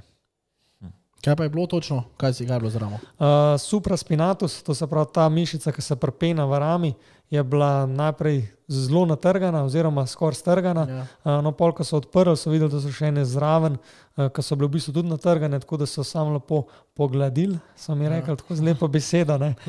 In, uh, in, in sem bil kar redi, v bistvu tistih 8 tednov sem ravo počival, da so se te kite skupaj sprejele nazaj. In uh, sem imel pa srečo, ni bilo nobenega šrafanja v rami in tako naprej. Tako da sem bil rekel, smo zelo, zelo hitro nazaj. No. Ja. Vrhunsko. Čak pa si to leto si vozil kakšno dirko za svetovno prvenstvo? 2016? Uh, ja, 2016 sem vozil. Um, uf, res sezone se zelo, zelo, zelo malo spomnim. Čist po pravici, mi je nekako ta poškodba mogoče vse to malo bolj zasenčila. Ja. Um, pa pač to ukvarjanje sam s sabo, pa z, z ekipo. Mislim, da, da sem. Da dirk se pa dejansko res ne spomnim veliko. Že niso bile dovolj dobre. Ni bila glava na ta pravem mestu. 2017 si imel po isto poškodbo, naj bi bil kolen takrat. Ja, 2017, v bistvu prijemo Latvijo, sem rekel, pripravljen sem, preštiman, vse je šlo res dobro, naredim prosti trening kot predkvalifikacije. Um, mislim, da je bilo še kvalifikacija 18. mesto, 17. zelo blizu smo bili do 12. sem rekel, evo, končno sem ujel tisti vlak, ne vem, recimo 12. mesta, pa tam do 21. 23. Ne, da nisem bil zmer na koncu tam za eno točko, dve Ja, ja, se ja. boril, ne, ampak evo, Ja. zdaj sem tam. Um, Nač kaj tazga, pelil sem se po tistih valovih, eh, ki so vsi padali, pa tam sem tudi sam padal. In um, malo je vrgel po stran, kolen na tla, tu sam neki zvezdice v glavi. In evo, sem vedel, kolen neki je. Čeprav sem začel lahko hoditi, še isti dan naprej, ampak drug dan, ko sem se pa zbudil, je bilo pa to pa neznosno. Ne. In uh, ja, tukaj pri kolenu je bilo pa malo več, kot pa parami, Ja. je bilo pa treba malo več raufati.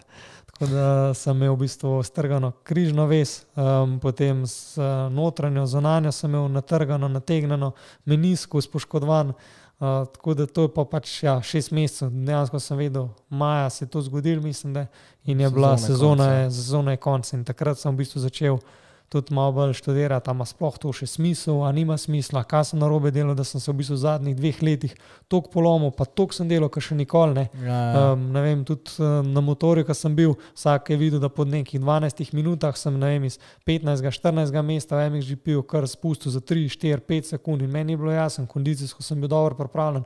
In potli se težko soočati s tem, ker ti veš, da si, ampak tam vsak ta drug, ki pa meni pride, ne, ja, Ja, po Facebooku ja. malo skrola, pa reče, hej, uh, ti nimaš kondicije, ne, si drugače si pa kar ureda, Ja, ne, veš, pa ja. pač ni to. Ne.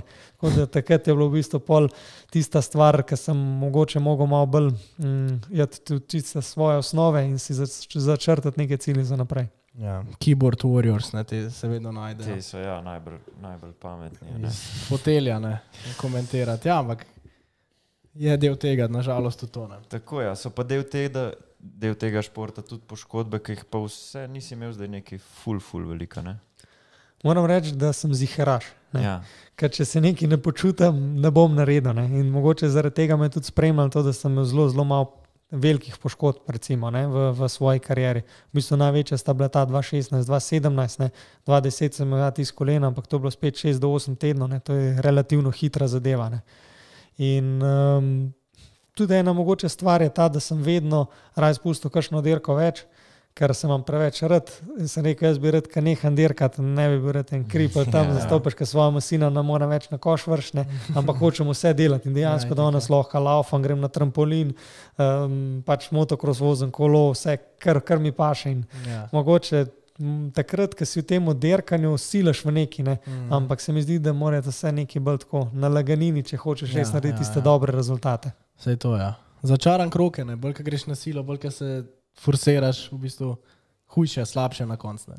Ja, se mi zdi, da moraš imeti tisti feeling, ker slej, ko prej priješ do neke brzine, ki rečeš, da tam je zid in potem začneš Ja, ja, delati ja, ja, na ja. silo.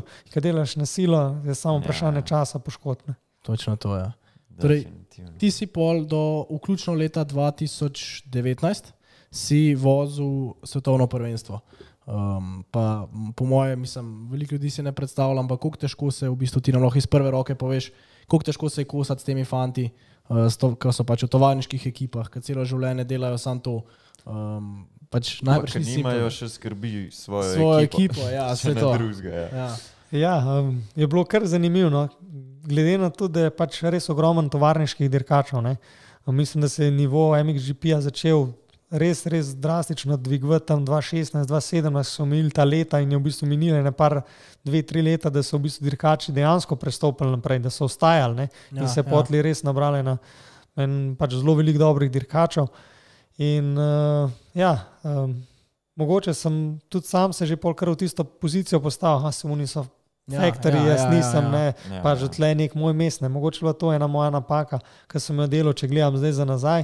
Ampak po drugi strani, pa ne vem, sem bil zmer, sem se zboril za vem, 20 minut za tisto točko, dve, kakorkoli, Ja, ja. ne, je mogoče rekel, ja, kaj pa je tam, ne, sej. Ne vem, vas je bilo 30, ne, tisti 2-30 odstopili, tiste 4 boš pa že prehitil, ne, ampak Ja. dejansko je mogoče lahko gledaš mačkan drugačne. Ker vsak, ki je bil tam na dirki, pa ki je videl, Ja. Mislim, da noben od unih, če um, naredi ne vem, te deset, en krok, pa jaz, ki sem ga naredil, ne bi mogel brez toprce določiti, kje je bil zdaj Ja, hitrejši. Ja, ja, itak, Ja. In smo bili velikrat, ne vem, od prvega do, do, do 24, 23 mesta v, vem, v treh sekundah, ne, ker na taki progi, na taki, na taki dirki ni velik. Ne. ja, valjda. In, um, ja, ampak nekako sem nekako ostal pozitiven, mogoče sem tudi zamenil malo fokus v sezoni 2019, no, 18-19, ko sem rekel, evo, mogoče bi res rad postavil kamion, ekipo in tako naprej, da pač imam neko stvar za prihodnost. Um, Mrzkemu se je to zdelo, kaj se zdaj ta neki preserava, tle le Ja, ne ja. se raj vos, ampak z mojimi mislimi sem bil naprej, nisem to dal neki na velik zvon, in, uh, ampak vsem sem pa hotel še nekaj pokazati v MXGP prvenstvu, pa, pa na, pač na nivoju državnega prvenstva, ker sem imel cilj, da postanem državni prvak. Tako. Vrhunsko. Uh, se pravi, infrastruktura ekipe je pa v Sloveniji. Uh, kar se tiče prog, to najbrž, mislim, to ni glih idealno. Ne? Ja, to je v bistvu ena taka no, ne vroča tema, ampak Pereča tema. pereča ne. tema, ja. zdaj. Um, Kar se tiče dirk eh, državnega prvenstva, ne, če se pač na to fokusiram, mislim, da se je začel zelo, zelo premikati v ta pravo smer.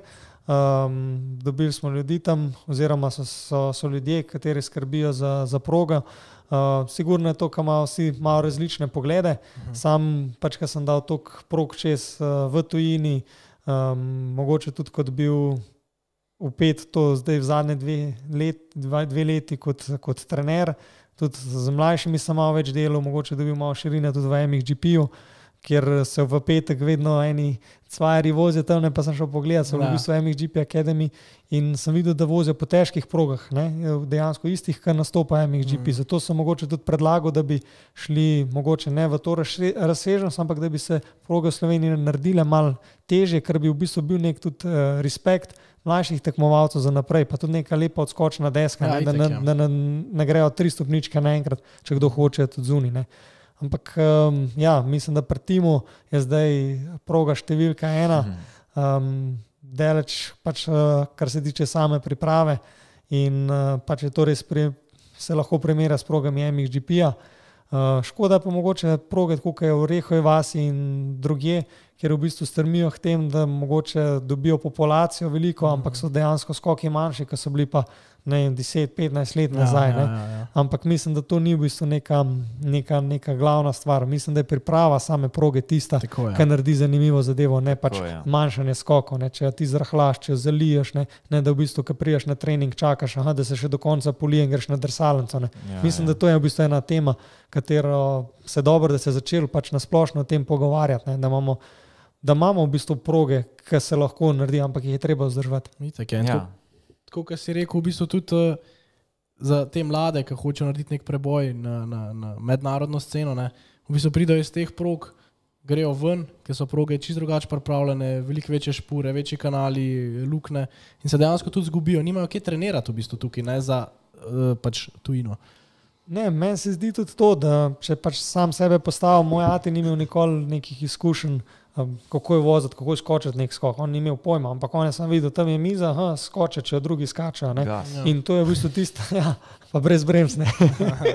In to je v bistvu tista zadeva, ker mogoče je narobe, če naredimo prelake skoke. Zakaj? Ker vsak otrok s 50, 60 že v bistvu vse čez skoč mize v Sloveniji. Ja, se to In je. to mislim, da je nekaj narobe na, na tej stvari. Zakaj? Zato, ker ne dobi nekega spoštovanja do proge eh, in kamorkoli bo prišel, bo mogoče rekel njegov ati, ko pa ti skokne tam, zakaj pa ga naskačeš, da je Ja, ga skočen. In to ja, je pač itak je. nevarno, nasplošno gledam kot populacijo. Ne. Zato mislim, da če pa ve, da se ni vsak skok isti, tega se da, tega se ne da, Ja. Je pa tudi pač tehnika drugačna, ki se razvija. Ne. In, in mislim, da sem zagovornik tega, pa bi v bistvu želel, da se tukaj v Sloveniji začne delati vsaj delno v tej smeri. Ne vem, da pa to da je pač dolgoleten proces Ja, itak je. in uh, pač zadovoljiti uh, nekoga, ki se vozi uh, amatersko, zgolj za hobi, samo vsak drug vikend, a pa enega, ki profesionalno trenira, kot Jana, pa Jaka ali pa Tim, ne, pač to dve, pač druga zgodba, ampak mislim, da se da narediti en kompromis. Vse to je, da je za vse v redu. Jaz Ja. tudi, recimo, letos smo se kar dosta vozili, tudi skupaj smo bili v Italiji, doskrat. Uh, tudi skoki pač niso bav, bav, če je skok prav narejen. Točno to. Imamo se mi zdi, da v Sloveniji tudi kar malo težav z samimi progami, ker ne vem, skoki ne grejo v pravo smer. Tam res lahko vidiš vsakega amaterja, ki skače 25-metrske skoke, pa ni nevarno. Zdaj jaz doskrat, ko pridem na kakšno slovensko progo, uh, se mi zdi, da te skoki niso pravilno narejeni, da res ne vem. Pristanki niso višji, dosta ostri, karkoli, da bi bilo to vse skupaj varno delati, in da je bolj v tem težava, tudi razni paci, pa to se glih zaradi tega zgodijo, ker ni narejen tako, kot mora biti. Recimo tudi pri timu, skoki so, ki prideš tja spodaj, to te je strah. Uh, Ker Ja. narediš par krogov, prvih, Ja. prvi trening greš reči z respektom gor, ampak kaj enkrat skočiš te skoke, so pa to nekaj najlepšega. Jaz, danes smo bili spet gor, mislim, Srečka, ne. Srečka. Ja. Danes smo bili spet gor, to je mislim, nekaj najlepšega, ker greš čez une skoke, niso nevarni, ne čutiš sploh, kdaj, je, kdaj si v bistvu v zletu, Ja. kdaj pristaneš. Noč ni nevarno, če si kratek, če si dal kakaj par skokov, je takih. Ampak ja, če je vse skupaj prav narejen.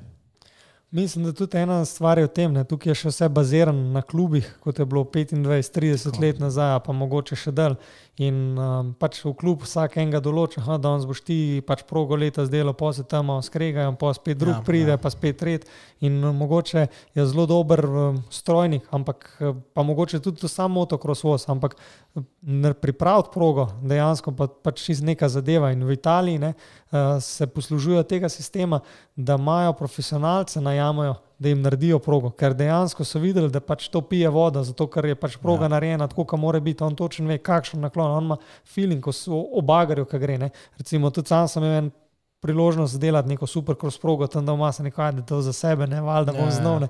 tam sem skakal gor dol, sem vzel motor, sem šel prova, sem rekel, Vse narobe, kva sem to naredil. Ja, ja, ja. Veš, tako da recimo tudi sam nimam izkušenj s tem, da bi rekel, a bom pa jaz zdaj naredil. Ne. In mislim, da tukaj, bo, tukaj bi bila zelo velika ključna prelomnica, da bi mogoče ti klubi, ki imajo proge v lasti, v najemu, kako začeli razmišljati o tem, da bi najdel nekoga, ki bi se s tem začel profesionalno ali pa polprofesionalno ukvarjati. Ne, ne v bistvu, ja. da vsak posebej neki rihta, kar pač rihta.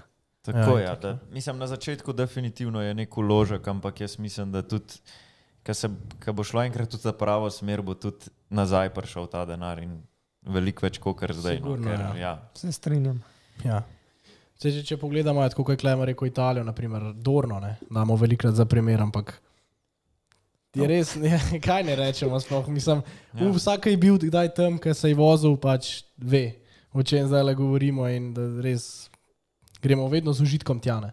Ja, ampak gremo recimo mi z užitkom, ki ja. ja. se lahko reče, da se malo bolj pelamo ne, za slovenske Ali ja. razmere, ali pa gre nekdo, ki pač se vozi zgolj amatersko, ampak še vedno uživa, zato ker to vidi, je. da, da je proga varna, ampak skoki so in ki skoč ima tako zadovoljstvo, ja, Ja, da ga veliko ja, bolj not ja. potegne, kot pa ne vem, neki slovenski progi, ki itak že vsak s 50 gre vse čez in zakaj bi tam hodil, izmerje trdo, pa kamni, Ja, pa ja, kadi se ne. Ja. Tako da, tako da ja, upam, da se predstavlja v tej smeri. Točno to je. Pa tudi 30 evrov, ja, sej se sliši veliko, ne, kaj treba plačati progo, ampak veš, zakaj daš. Ja, In je, meni nikoli ni bil problem, pač dati malo več za progo, pa pol v bistvu res. Zato pa za ta denar nekaj tudi nazaj dobiti. Ja, kot sem rekel, mislim, da še zmeraj to vse na bazi klubov, neko volontersko Ja, ja, delo, ja. Um, razni gospodje, ki imajo pač čas, uh, se razmenijo, pa grejo, ajde, zdaj smo pa malo podružili, pa malo progo preštimal, pa to, pa kdo ima Ja. danes trening čez, pa tako naprej. Ne. Tam pa gre pač za orang firmo že, ki se v bistvu s tem ukvarja. ne. Siguren slovenski trg ni primerljiv z italijanskim, Ja, itak. ampak mislim še vsem, da če se res tudi vidimo ene. Par proksov Slovenije, pa dve, tri se res konkretno ukvarja s tem, da zalijo, pripravijo progo po svojih zmožnostih in vidimo, da tam je res pač ogromen dirkačev na tisti dan. ne. Tako je. Tako da verjamem, da če bi se to začelo dogajati, organizirati, da bi bilo to, da bi lahko šli v bistvu še kakšno stopničko gor. Ja, Sigurno, tudi v ja. Sloveniji je zelo, zelo veliko motorjev. No, tako da jaz Ja. ja. mislim, da, da bi bilo tudi tako kot v Italiji. Potencial Mislim, je. Ja. Definitivno 50 motorjev na soboto ali pa nedeljo pričakuješ lahko z lahkoto Sigurno. na, na petih različnih progah po Sloveniji. Ja, Ja. z lahkoto. je. Ampak ja, Če se vrnemo zdaj še malo v tep, v bistvu vsa ta leta si bil ti edini dirkač uh, ekipe 62 Motorsport, v kaj vozil v bistvu svetovno. Um, ali si imel že takrat mogoče kakšne uh, premisleke o tem, da bi mogoče še kakšnega dirkača potegnil, da bi bila dva? Um, kako je bilo s tem? 2018 sem začel v bistvu v tej smeri delati. Um, ja, mislim, da je bilo 2018.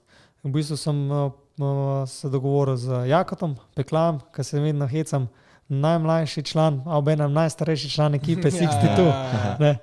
Um, potem pa uh, smo se tudi dogovorili z Lukotom, Milcem, in smo v bistvu začeli sezono delati. Potli smo se sicer rešili, ker smo imeli vsak malo drugačne poglede, ampak uh, ja, v bistvu um, Luka pa, pa, pa Jaka sta bila v bistvu prva dirkača v moji ekipi, tako bi rekel, malo bolj za res. Um, tudi Matic Žitnik, v bistvu smo delali, mislim, da je bilo 2015, 2016, mislim, da je tudi uh, bil pa še takrat 62 motosport. Ja. Um, no, ampak eh, to je bilo v bistvu vse tako, no, polprofesionalna, mogoče zadeva. Imel sem mehanike, imel sem uh, vse tako naprej, ampak da pa res tisti zares se začeli, je bilo pa v bistvu leta 2020, ne, ker sem sam zaključil svojo kariero, ko sem videl, da enostavno to ne gre več, preveč organizacije, takrat je šlo pa pač zadeva na Orang. Uh, Dva dirkača, en v MXGP, en evropsko 250, pa Jaka v 85. Ne. In takrat se je v bistvu začelo dogajati, res kot neka prava ekipa.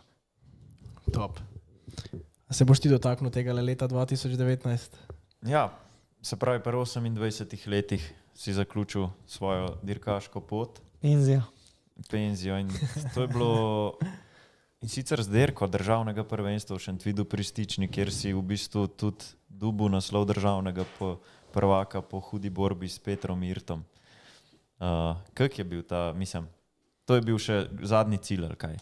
Ja, nekako biti državni prvak, to sem si zadal na začetku um, sezone. V bistvu sem vedel, da je moja ta zadnja, že 2018 sem pol nekako mahval, a bi šel še naprej, ne bi šel. Ampak stvari z ekipo, s kamionom in tako naprej niso bile tako pripravljene, da bi lahko že vzel noter dirkača. Jaz s Huskvarno smo bili v bistvu že malo dogovorjeni, da bi vzel dva mlada dirkača po, pod njihovimi pogodbami, ampak nekako se nisem čutil, da je to to pripravljen. Sem hotel še en let narediti, sem rekel, ajde, moram dobiti vsaj eno točko za svetovno prvenstvo, to se pravi vrstitev med 20 MXGP, pa postati državen prvak, pa se želel sem tudi nastopati na pokalu narodov. In uh, ja, iz, uh, iz uh, v bistvu brati Irc smo imeli nekako skozi tiste dvoboje, ki smo imeli najprej z, z Irnejem, potli z uh, Mateožem, no zdaj na koncu z, z, z Petrom. Ampak bom tako rekel, če, če njih ne bi bilo, jaz sigurno ne bi prišel tako daleč, recimo pa takih rezultatov ne bi delal, kot sem jih.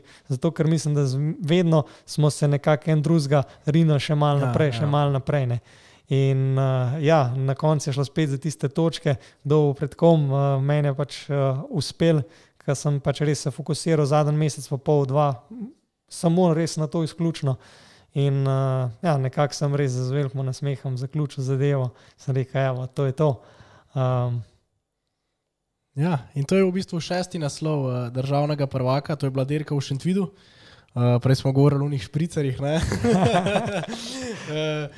ampak, ste jih imeli v bistvu pol um, za zaključek sezone, uh, pa jaz se spomnim unga ogromnega šampanca, ja, ste ga mogla dva nositi uh, okol. Ja. Um, ampak je pa ta dirka pustila tudi malo grenkega pri okusa, ne? predvsem zaradi jakata, peklaja, ki je pa v bistvu uh, Ja, zaradi tehnične okvare. tehnične. ne, tako. Ja, um, naslov. Ne. ja, to je bilo v bistvu tako. v- Mešani občutki so bili, pač ful smo bili vsi veseli za mene, Ja. uh, pač pa konc karijere. Moram reči, da je en velik moj prijatelj, je Rok Miklič, ki je v bistvu smo se začeli družiti, bi rekel, 2015-2016 naprej. Um, in, in v bistvu smo čez dalje bolj nekako postajala frenda. On mi tudi pol naprej pomagal, kot uh, sponzor mi še vedno pomaga. In ja, oni z družščino so pač to skupaj z, z tem mojim so- sošolcem iz faksa, ne Aha. Matejem, Ja. ne, ki sem hodil cela dva meseca, pa, pa pač še družščina, pa ostali prijatelji so zorganizirali uh, te šampance, uh, prav penino lepo pisal gor, Klemen Gerčar, ne državni prvak in tako naprej. In je bilo pač res nekaj, nekaj lepega. Ne. Ni bilo pa po drugi strani, kot sem bil vesel, fejs težko za, za jaketa, ker vem, da si je ta let zaslužil. Ja. Pač bila je tehnična težava, mislim, da je to tehničen šport, se pač dogaja, ne bi se smel zgoditi, to vsekakor. Ampak eh, rekel sem, le za mene si ti prvak. Ne. Ja. Um, in ti moraš tako to dojetne. Zdaj papir, pa, pa pokali so ena stvar, ne, ampak ja. svojo vožnjo si, si pa sigurno to zaslužil.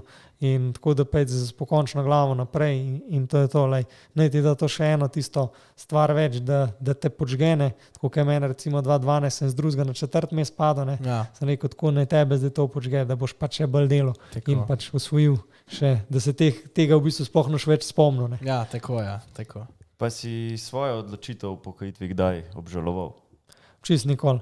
Se mi zdi, da sem tak, da ful časa premišljujem, malo teh tam, malo to, malo un, ampak eh, ne dam to neki na velik zvon, ampak ko se odločim, se odločim. Ne? In, uh, ni neki na pol, da bi nehal, pa bi me nazaj prijel, pa bi mal šel, pa ena dirka tukaj, pa tam. Dejansko od uh, 2019 še tvida nisem pel na nobeni dirki več, ne? tudi na pokalni državni, Ja, ja, pa so ja. me še neki.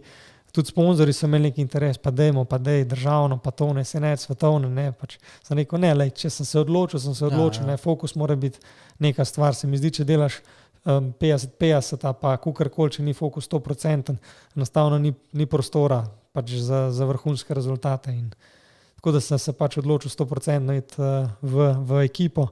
In ja, tudi lepo smo se imeli, en tak zaključek sem naredil, mogoče za, za konc, tudi prav kamion smo postavili, tendo, vse te od mojih prvih klubov in naprej sem povabil ljudi, ki se nismo videli, bi lahko rekel, že stoletne. Ja. Um, malo smo spekali, malo smo popili, pojedli, vsak se lahko z mojim motorjem odpeljal, z jaketom motorjem, jaz sem šel na 85, Ja, recimo, ja, ja. jaka šel na 450, pa sem se malo vozila po progi. Tako da je bilo res pač nek tak, res tak lep zaključek uh, sezone. No, mogoče mi je malo grenek preokus ostal, zato ker nisem bil izbran za, za, za pokal narodov. Ampak sem si rekel, je mogoče pa tudi dobro. Sicer sem tam bil z drugim namenom, ker Ja. ja. smo se menili za naprej, uh, za, za dirkači in sponzorji, ker je bilo res veliko, veliko blata. Ne, tako da sem rekel, ajde, mogoče mi pa ni bilo treba zadnje dirke v blato odpeljati. ne. Sej to je. Vsaka stvar je za nekaj dobra. Ja. Mene pa zanima, koliko časa je trajalo, da si se po dirki v Šentvidu, torej zadnji, spet spravil na motor. Ej, takrat, ko bi me eno rad brcnil, sem začel trenirati, če bolj vse mi je začel nekaj leteti. In sem uh, ta, ta Filip Olsen, ki sem ga Ja, ja, popisal ja. ja. ekipo, je prišel dol, smo skupaj trenirali. In dejansko smo vse treninge delali skupaj. Jaz sem bil trikrat na teden na motorju, štirikrat na teden sem bil dan na motorju. Skozi in meni se je začel res to jeti. Sem rekel, oh, šit, zdaj, kaj je najbolj, sem bil v bistvu najbolj pripravljen. ne. Sej to je. Ker sem res tiste dva meseca, sem res posvečal se tem treningom, sem res hotel biti državen prvak še zadnjič. In uh, nekako sem res tisti ritem ujel, no pa sem pa rekel, da zdaj pa treba druge stvari počasi ja, začeti. Ja, ja, ja. Ker so se začele priprave na sardini in tako naprej. Pa mislim, da sem v celem letu, ne vem, če sem bil desetkrat pol še na motorju. ne. Ja, sej to ne. Ja, pa so se pravi, poleg zdaj motor je šel na stran, a so bili še kakšni drugi hobi, pol za vikend, ali si v bistvu se usmeril v ekipo samo. Sam sem si predstavljal, da kam enkrat neho dirkati, da bo v bistvu to tako nedelo, naprej kmaž, župca lepo, malo to, ki še ne vem, izletek. Ne. Evo, ekipa, trije dirkači, um, finančne možnosti so bile omogočene. In eh, dejansko sem veliko več časa preživel na treningih, po progah, po, po, po vseh, kar sem jih pa prej v svoji karieri, ker si pač finančno tega ja. nisem mogel prvoščiti. In um, tako da hobijo drugih dejansko ni bilo, potli, Niti cajta. niti časa za to. Ne. Sej to je.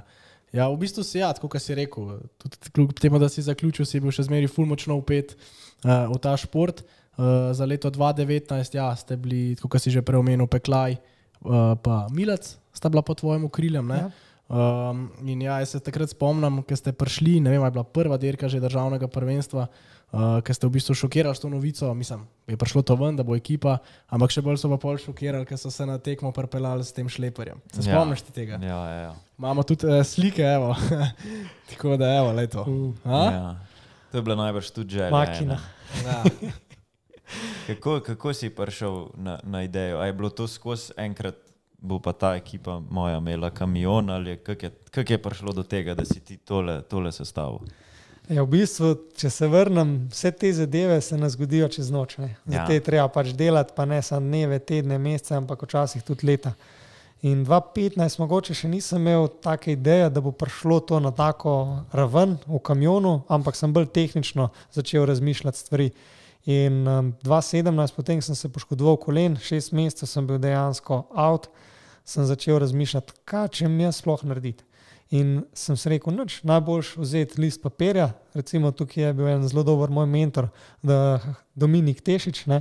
In je rekel, vzemi list papirja, pa začni pisati, kaj ti sploh hočeš. Ne? In dejansko sem sedel par ur najprej od začetka, pa nekaj začel, pa zbrisal, ne? to je ja, to, ja. pa spet ne. Sem rekel, evo, cap, cap, cap, in sem si naredil list, mislim, da okrog prav nek projekt, um, deset listov, A4 format, natipkanih, točen, kako hočem imeti, kako hočem imeti, ne vem, um, po, po, porihtane stvari v delavnici, v tem, v kamionu in ta tret. In ko sem videl, kako bi, kaj v bistvu hočem, sem se začel s tem ukvarjati, kako pride do tega naprej, ja, z ja, ja. manjšimi stvarmi, večjimi. In ja, potli pride en klic, enkrat, um, a si za kamion, ja, bomo zrihtali. Um, sponzorji so skupaj stopili in jaz sem šel po akcijo v Nemčijo, po kamion, čist klasika, domov, propelat, ATV, vodja tega, malo cep, cep, v bistvu celega predelati iz navadne komore, ne, dejansko hladilnika, frigota, ja. v, v, v, v tak orang kamion, ne, v bistvu kemper. In um, ja, tukaj je bilo ogromno neprespanih noči, tiste elektrika nas je na začetku nekaj zabavala, ni delala, ej, ampak smo zrihtali recimo do 4-5 zjutraj. In um, ob sedmih sem pa že vstal, ob osmih sem šel na trening, ne? tako da v bistvu sem imel zelo, zelo veliko teh neprespanih noči. In um, ja, se spomnim, kdaj smo ga šli registrirati. V četrtek zjutraj sem bil še na tehničnem, da sem dobil tisti potrdil, ajde zdaj pa arko ti trenta. Kaj pa izpit iz prve zrihtov? Ja, takrat v bistvu sem imel tudi eno ta kolen, ki sem ga že imel, sem mi nekaj unela v vojenca in sem mogel na eno lahko operacijo. In sem rekel, en mesec približno ne boš mogel imeti ne boš mogel na motor. Uh -huh. Sem rekel, če pa si spit na redu, ne ja, ja, ja. da je drugega odvisen. Ja, ja, Imáš avto doma, pa ga ne moreš nikamor zapeljati, ja, tudi ja. do, do serviserja. Ne, ne. Sem rekel, ajde, bom še to naredil, C. Tako da, tako da ja, prvo je to šlo čez, imel sem dobrega inštruktorja, skozi je bilo zabaven, vozila so od 6 zjutraj do 8, tako da je bilo top. In, in ja, evo, vse se da, če se hoče, je moj moto.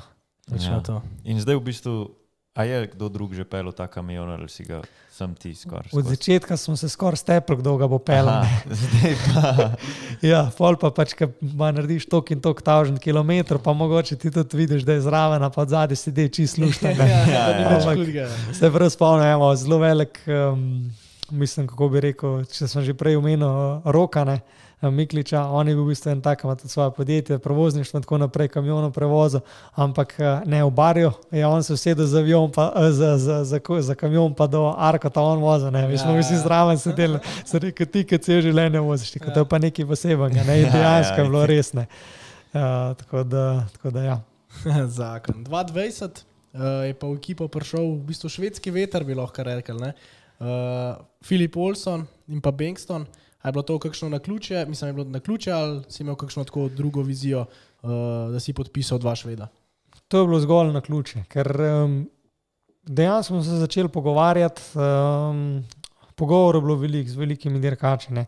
Ampak dejstvo je, da pač tako stvar za štart je tudi finančno zelo velik zalogaj, zdaj je dirkač zelo v spredju, ker pač pokrijo drugi, oziroma mora pač se ti zbažiti nekako dobiti. Ne.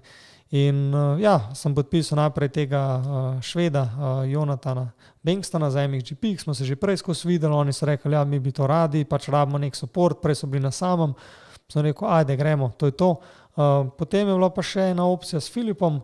Uh, sem videl, da ima dobre rezultate, cep, cep, smo se dobili, sem se gor odpeljal v München, čisto na sestank.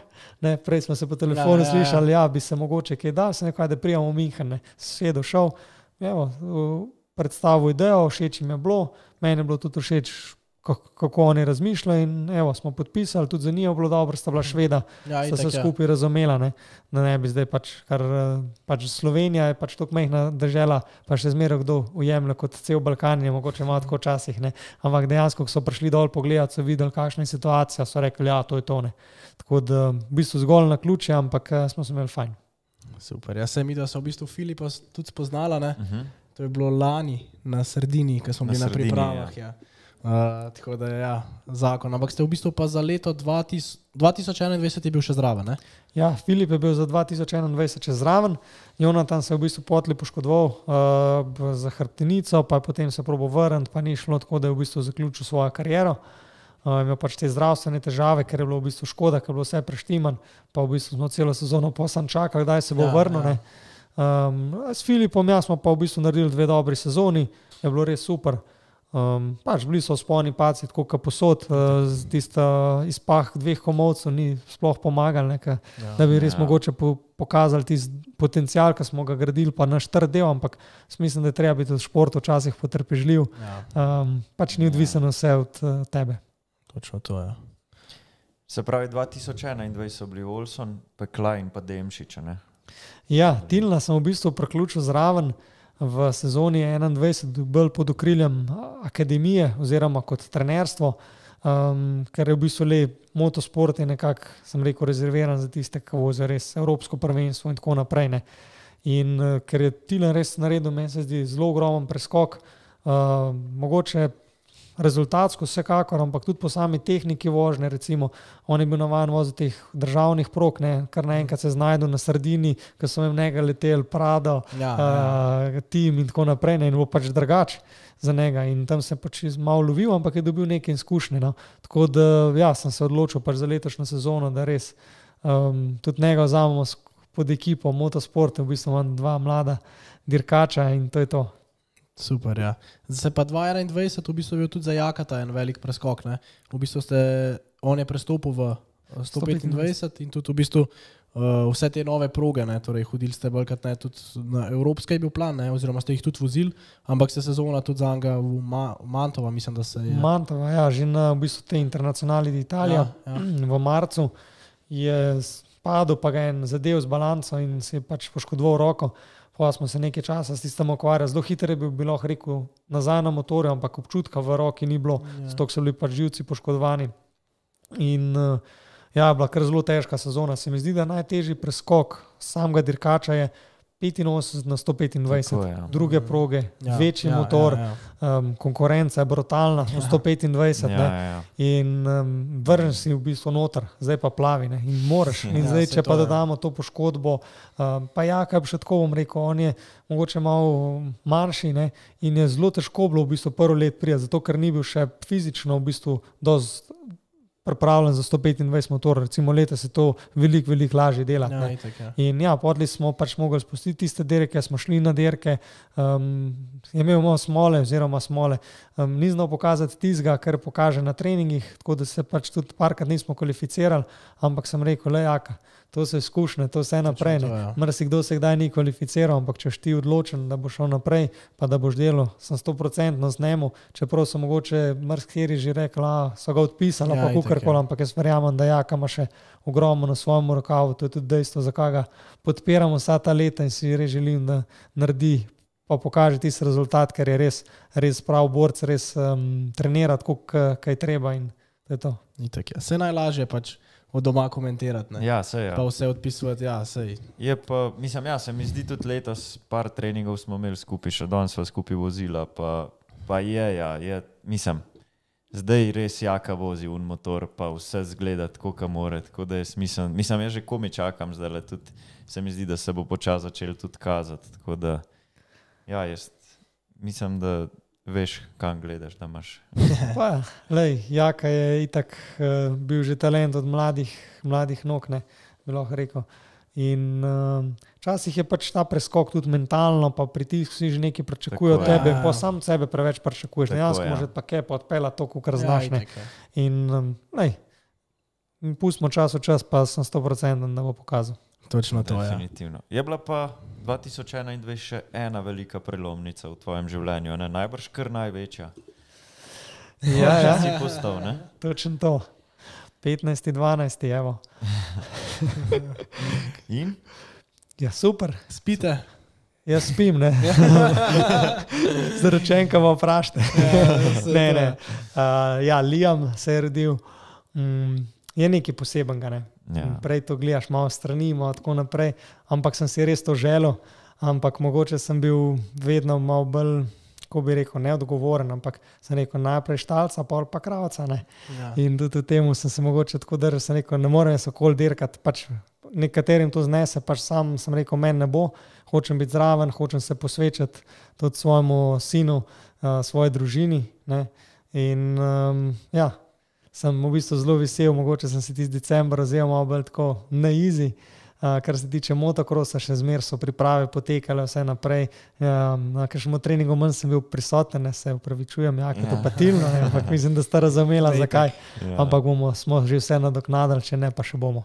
Kakšno pevejko ima že ogledano? Ej, sem rekel, najprej mora začeti, najprej bo mogel biti priden. Se mi zdi, da ta pristop, ki ga je moj ati do mene obral, bi se ga kar držal. ne. Če Ja. ja. boš priden, boš si zaslužil to. Sigurno on ima malo večje možnosti, a pa možnosti, bi lahko rekel, veliko več predznanja, ki ga je imel moj ati z motokrosom. Ja. Ja. Um, tako da, ja, ampak v prvi vrsti bo mogel biti priden, bo mogel sam pač si zaslužiti za to, da bo vozil, ne bo pač kar vse dano. Ja, Ja, Zdaj pravi, ja. bomo pa videli, kaj pride do tega, ali bom še istega mnenja, ampak mislim, da se ena stvar odločim, se tiste držim. Ja. A pa je nek tihi cilj, mislim, bi šel še enkrat svojo to pot čez svojega sina čez ali Ja, ogromen izkušenj sem dobi- pridobil na lastni koži. Ne. Tako da mislim, da če bi me poslušal, bi mu bila ta pot zelo, zelo, zelo olajšana. Ne. Ker poznam, Ja. da pač imam dosta kontaktov v, v tem športu, ki pač Ja. ne grejo kar iz danes na jutr ven. In um, siguren bi teh pacov, ki sem imel sam, bi mu verjetno pomagal. Ne. Ampak uh, v prvi vrsti bi ga pa rad suportiral tistem, kar bo on užival. tako je. Zdaj je to motocross, a ni. Um, bomo videli, pevejka, če bo priden, jo bo dobil, če pa bo bedarije delo, Ja. pa, pa nekaj ga bo treba usmeriti. Ja. Ja, Glej, ja. sam, da mu boš rekel, kot je tvoj oče tep, ne? če kaj stava, ne misliš, da boš zdaj svetovni prvak. Ja, da ti ja, bo ja. imel za dokazati. ne. Ja, drugače je pa zanimivo to slišati. No, dost se mi zdi voznikov tudi reče, kao, da noče iti še enkrat čez Ja, to. da se jim sinom, zamerja. Da se jim velikim se zameri. No. Meni, v bistvu se nasprotno, pač fulmam rad motocross, um, sem mogel mogoče. Zdaj pretrpeti tako težka beseda, ne? Ja, ampak ja. ja. dejansko so bili težki časi, in finančno, in uh, psihično, in vseh teh zadev, ampak bi šel, bi šel še enkrat čez to, že za sebe, za svojega Ja, sina, ja. pa še to krajše. Ja, Ja. In ker mislim, da je leto nek tudi lepa šola za naprej, za življenje. Ogromno lepih stvari se je zgodil. Če tako pogledam, ne, do svojega 28. oziroma 30. leta sem dejansko za enega lahko hodil po svetu, pa uživo. Ne. Če Ja. si dejansko tako tudi vzameš, da smo se Ja. res fajn imeli, ker Ja. ja. dejansko se imaš fajn, ne, je bilo pač res to, to vse vredno vsake minute. Točno to je. Definitivno. Se pravi, 2022, povsem slovenska ekipa, Jaka in Tilen. Ja, odločil sem se, da bom v bistvu šel nazaj na tisto prioriteto, to se pravi mladim dirkačem, nekako dati neko um, podporo, da lahko pokažejo svoj potencial na evropskem oziroma svetovnem nivoju. Glede na to, da se mi je rodil sin, da sem od te družinske obveznosti, sem se odločil, da bom eno sezono speljal sključno s slovenskimi dirkači, pa sem mogoče malo več posvečal jakatov, pa tilno, ker če imaš pač res dva, tri dirkače, raz, še s- po možnosti v različnih razredih, si velikrat na dirki na portugalskem, recimo, a, oni Ja. morajo sami doma trenirati, ne, ne moreš jih sabo vzeti. Ja. Sem rekel, pač res bi rad pomagal, kar je pač v moje moči, da, da treniramo, da delamo in, in je v bistvu to. to. Tako da, ja, letošnja sezona je tako. Uh, pol bomo pa videli, kaj bo stvar naprej prenesla. Ampak se mi zdi, da mora biti stvar um, primerna svojim rezultatom, konc koncev, ne, ker moramo, pač ne smemo si metati peska v oči. Ja. Ja. Dejstvo je, da cilj je postati uh, evropski prvak oziroma se pelati med prvih pet zdaj v prihodnosti. Um, če želiš, da pač taka struktura obstaja ne, in potem napreduješ razraz MX2, MXGP, pa vemo, imamo lep primer, recimo Jana, uh, kakšne vrhunske rezultate dela, pa se vsem tudi odločil za svojo lastno ekipo. In um, ja, to je v bistvu, v bistvu taka zadeva, da rezultati pač so tista gonilna sila. Tako, lepo, lepo si to povedal. Uh, in v bistvu zaključil ta uh, redni del oddaje. Tako. Ja. Um, in mi smo zdaj s tem prišli do kotička, sem nisem. Um, pa lahko, Luka, kar ti začneš. Dobil grd blok pes. Sam. Kje, a se spomniš, kjer, kjer je bil najgrši? Tako, najgrši, Tako, ja, da, si, zdaj. da ti je ostal v spominu. Lo, lo, ne rabiš poimensko, da ne bo kdo. Ne, ne, ne. To je tako, kar, ostane, kar se da zgodi na progi, ostane ja. na Ja, progi, saj tudi to. tega pač mnenja sem. Ja, ja, Uh, pač eh, najgrši blok pes sem mogoče dobil v uh, Braziliji, ker sem štartil ta tretji ali četrti v MXGP-ju, sem tam pel tri kroge, štiri kroge. Tam mislim, da sem bil peti, šesti in je za mano pre- preletel Joel Ruland, tam je bil tak en trojen skok in jaz lepo ga vidim, aha, bom šel na ven, da bom lepo itak, capone pa skočil, mene podrl, pa čez bando kar naprej skočil, dejansko ne vem sploh kaj razmišljal tam. In tam sem bil res tisti pač najgrši blok pes. Bilo pa tudi kar neki blok pesov, en kot drug smo si jih izmenjavali z brati Ja, ja, ja. Jertne na državno prvenstvo, ampak to mislim, da so se take anekdo- anekdote, ki se zdaj lahko dol sedemo, pa se smejimo, Ja, ne. itak, ja, ja. Ker smo malo ne. starejši, točno to. Ja, to ne. Si uničil dirke v zadnjem krogu, prej si že razlagal, orehovane. Ja, Orehova oh, to je v bistvu najbolj tista zadeva, ki še danes ne vem, kaj sem. Pa v bistvu tako je. Fokusiran sem bil. Ja. Ja. Sem rekel, ne gledati levo, ne ga vipati, naravno skač, zastopiš, neč mahati, ne tu če ta zadnji krok, pa če imaš toliko prednosti. Ja, itek. Ampak to me je začelo, dokler zastavca ne pade, nimaš kaj spuščati, do konca, fertik. Točno to je. Pel po čelado. Uh, bolj v risku, kapel. V bistvu nisem bolj v risku, v risku sem pa ja, ker ti kaj rata, tam je sam. Uh, to je to, ne. to, je to pač res užitek. Krajšal proge. Um, ne, tukaj sem pa v bistvu en tak, m, res sem načela, da mora biti fair play in sem vedno za tem stal, tudi če je bilo včasih o moja škoda. Ja, Ampak ja. sem rekel, pač ne, lej, če zmagam na progi, zmagam na progi. To Tako, je to. ja. Če pač zgubim, moram biti drugič boljši. Na podijumu nisem čestital konkurentu. Ne, vedno, to pa vedno sem čestital, lej, mora biti neko spoštovanje. Mislim, da si včasih jezen, pa se Ja. ja. dogaja te stvari, ampak bolj to napetost ustvarja no. tudi ljudje okrog v bistvu teh dirkačev, včasih ne, ali pa starši. In um, po koncu, koncu, konc dneva, mislim, da tisti, ki je zmagal, pa ki se s tabo bori, se je isto veliko rekel, stvari je isto Ja. veliko razkeril, je imel svojo sponeva paca in zakaj ne, če si bil pač boljši. Lej, roka, to, ja. ampak mogoče bi ta roke včasih stisk tako. Čestitam, pa po glavi drugič, da pa bom. Ja, itek, ja. Nikoli me še ni prehitela punca. Ha. Mogoče izhajam iz generacije, ki ni bilo toliko punc, v bistvu Ja. me ni prehtela. Ja, ja. Um, ni bilo toliko punc, ki bi takrat uh, pač vozil masovno, tako kot zdaj. Uh Mhm. -huh. Tako da ja, punca me ni prehtela, sem bil v bistvu že dosti hiter. Ampak sta bila pa uno leto, ko si bil svetovni prvak, je bila Fontanezijeva isto, ne? Ja, Kjara je bila v bistvu takrat, začela dominirati tisto svojo ja. ja. niz svetovnih prvakov in je bila pač res, res zelo hitra.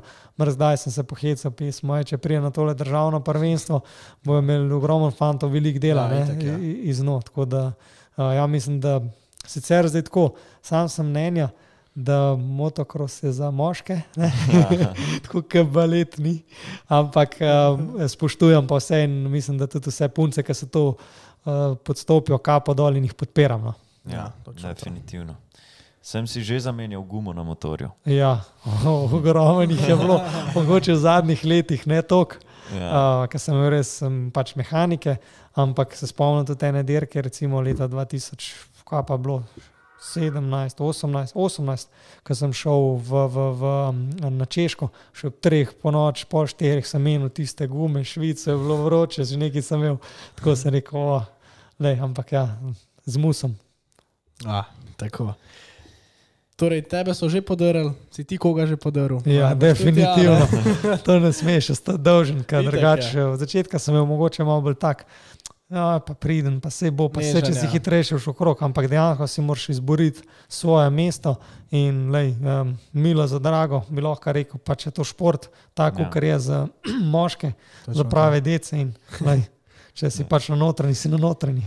U, ta bo tudi zanimiv zate. Si želel blatne derke? Ja.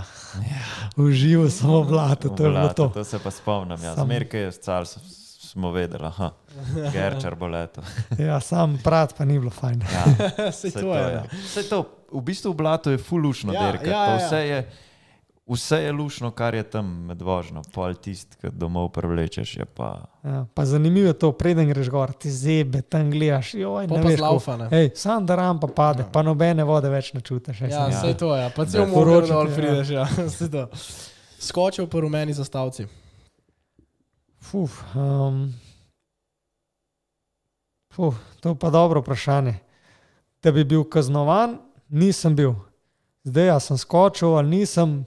Fuf, Namerno. To pa- Namerno ne. ne, namerno ne. Pa Itak, tudi ja. to je tako, ne, je pa zelo pač ena polemika, ki še Ja. ja. danes, zelo veliko dirkačev je recimo diskvalificiranih za tega, pa imajo prebitke. Ne. Ampak dejstvo je, da tudi tisti, ki to držijo, morajo imeti svoje znanje, ker včasih je. petkrat se ti buta zdi, on že maha s tisto zastavico na skoku, naskočiš, skočiš skok, odpeleš desno vink, greš v levo vink in tam v levo Ja. ja. vinku en leži, zato paš kaj pol tam mahaš in svede, ker se ti gre, da so še ne kvalificiral, a se noš. Pač unka maha, Ja. ja. mačkam predvidevaš, a je ali ni. Ne? Ampak jaz te modre zastavice, recimo, polk sem jih bil deležen, kdaj v MXGP, to je bila katastrofa za mene. Jaz sem spustil po 10 sekund, rekel, fanti, izvolite. Ja, Ja, to Ja. In mogoče sem bil predober pri teh zastavicah. Ja. Kaj pa bil diskvalificiran? Ne, diskvalificiran pa nisem bil prav nikoli. Um, to se pa tudi ne spomnim, da bi kdaj kaj bilo, pribitek, če sem kdaj imel, tudi se ne spomnim. Ne. Zdaj smo vsem nisem smo obdelali. Smo šli čez. Imamo pa še vprašanje gledalcev. Začnimo kar. Ajde, najljubša proga. Ja, še zmer v času, um, takrat so bile še MXGP dirke, se vlijevo Bolgarija. Oh. Tam se mi zdi, da je pač res top, klanci, gor, dol. Mm, ne vem, te spodne špore, ki so bile, so bile tako narejene, da so imeli trikrat poglobljeno zadevo. Se pravi, že noter, sredinsko, zonanje, Ja. skoki, dvojni, trojni, gor. Tam sem pač vedno užival, no. Ja, tam je bilo itak je. pač top. Zakon. Pomen številka 62. Evo, ima že od samega začetka. 2005 sem enkrat dobil po naključju. In pa sem šel na drugo dirko, takrat nismo imeli denarja za te nalepke, pač smo se prijavili spet po 62, pa spet je bilo eno evropsko prvenstvo, pa spet je bilo 62, glej Ja. gor na uni tablici, ne, Ja, kaj je bilo drugačno državno. In v bistvu po ta številka se mi je nekako tako lepo zdela oblikovno. Sem rekel, oh, tam je pa neč, pač res lepa mi je. ne." Ja, ja, ja. Sem rekel, ajde bom imel pač 62 in podle izhajal tudi iz tega 62. Najbolj zabavna zgodba v karieri. Uf, teh anegdot je ponavadi Ja. ja. zmer dosti, vsaka je neka taka posebna. Um, fuf, najbolj zabavna. Prva, ki ti pade na pamet, da se zdaj spomniš. Fuf, Pa da jo lahko poveš. Tako je, da je svinjarija. uh, kaj pa vem, to pa res tako težko je. Simpel vprašanje, ampak, ampak Ja. ja. težek. Ampak ena izmed pa, zabavnih, a pa bi rekel na splošno, so bile vedno te. Te, te dolge vožnje, ki so se nam dogajale, Ja, ja. ja, recimo, ko smo šli na Portugalsko 2500 km, ne veš, poješ eh, v avtu z mehanikom, eh, vse radije že zamenjaš, eh, pogovore daš teme od A do Ž. ne. Sigurno takrat, ko sem bil samski, a pa tako so bile najbolj aktualne teme, takrat, ko si že mogel več se začel o puncah pogovarjati. Ja, Ja, ja. ne, Še za 100 kilometrov, ja. Tako da je bilo, mogoče so bile te, ajde, tako generalno gledane, Ja, najbolj ja. zabavne stvari. Ja. Kakšen je občutek nastopati na pokalu narodov? Ja, pač to je bilo za mene zmerno nek tak prestiž, ne nastopati za Slovenijo, za MZS. Pa v bistvu bolj kot to, da smo se individualni dirkači, ki smo bili ne. konkurenti, povezali, tam smo bili res ti frendi, ni bilo rivalstva, tudi malo ga nisi čutil, pač res en drug mu linije govoriš. Ja, veš, ja, Prejšnji ja, teden ja. si se še tam skril, pa mu nisi hotel pokazati. Ne. Ampak uh, ja, pač mogoče to je pač tisti največji čar, ki je ne. In ki se pa pač uvrstiš v A- A-finale, je pa pač top of the top. Ne. Ja, itek. A je možnost, da te bomo še kdaj videli na dirki svetovnega prvenstva? ne. Ni. Ni, tudi veteransko ni možnosti več. Um, to sem pač zaključil.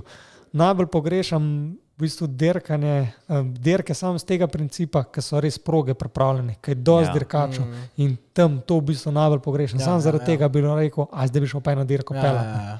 Tako. Itek, ja. Kaj pa občutek dirkati v MXGP-ju?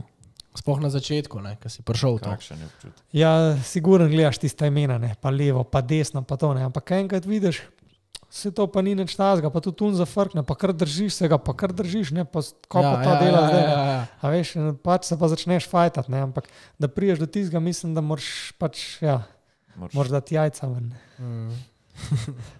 pa Ja. gas. Kdo so bili, oziroma so še zdaj tvoji idoli? Ja, moj idol od vedno je bil na, na tej sceni Čedrit. Mm. On je imel meni tisto tisti stil, perfekten, super cross, um, top. Uh, in on je bil v bistvu moj, moj v bistvu največji idol. On si pol tudi naredil, tudi tu Motorsports, um, svojo ekipo. Mogoče se nekaj Povod, javnega, ne, ja, ja. tudi jaz bom zdaj to naredil. Tako da še zdaj mi je pač res um, on nekako tak, tak idol, no, um, kar se tiče športnega dela. Uh, A z ekipo pridete v Savski Marov? Pridemo z ekipo Savski Marov, uh, tam bo ta nastopala um, Jaka Patilan. In um, ja, pač zdeležvali se bomo vseh dirk za državno prvenstvo, tudi kakšno pokalno, verjetno bomo odpeljali, ko bo, če bo združena ne, in sobota, nedela. Tako da ja, bomo, bomo prisotni na teh dirkah državnega prvenstva. Odlično. um, kje je bila pa tvoja največja neumnost, ki si jo naredil na dirki? Uh, Orehova spet. spet Reho, smo tam, mislim, da smo Ja, ja. spet tam, ne, da sem spustil čist prehmal. Ne, Ja. pa, pa, pa v bistvu nisem, pa neumnost. Uh, ja, vse je bilo, kar pred tem ostalo. Dosti velika. Nejca jamnika pa zanima, če se ga še spomniš. Ja, ja, še, še, še se spomnim ga. Tako zelo zgovoren, Ja. ja. parka smo bili na treningu skupaj, tako da ti ga sam žgijaj. Meni je všeč, eh, da so njegove objave na ja, Facebooku ja, po ja, to je dirkah. pa zakon. To je zakon, vedno ful z veseljem preberem, je, mi je top. Ja. Vrhunsko, Ja. ja. kar nadaljuj, nec. Tako je. Ja. Ja, bravo. Ja, vrhunsko. Najhujši padec.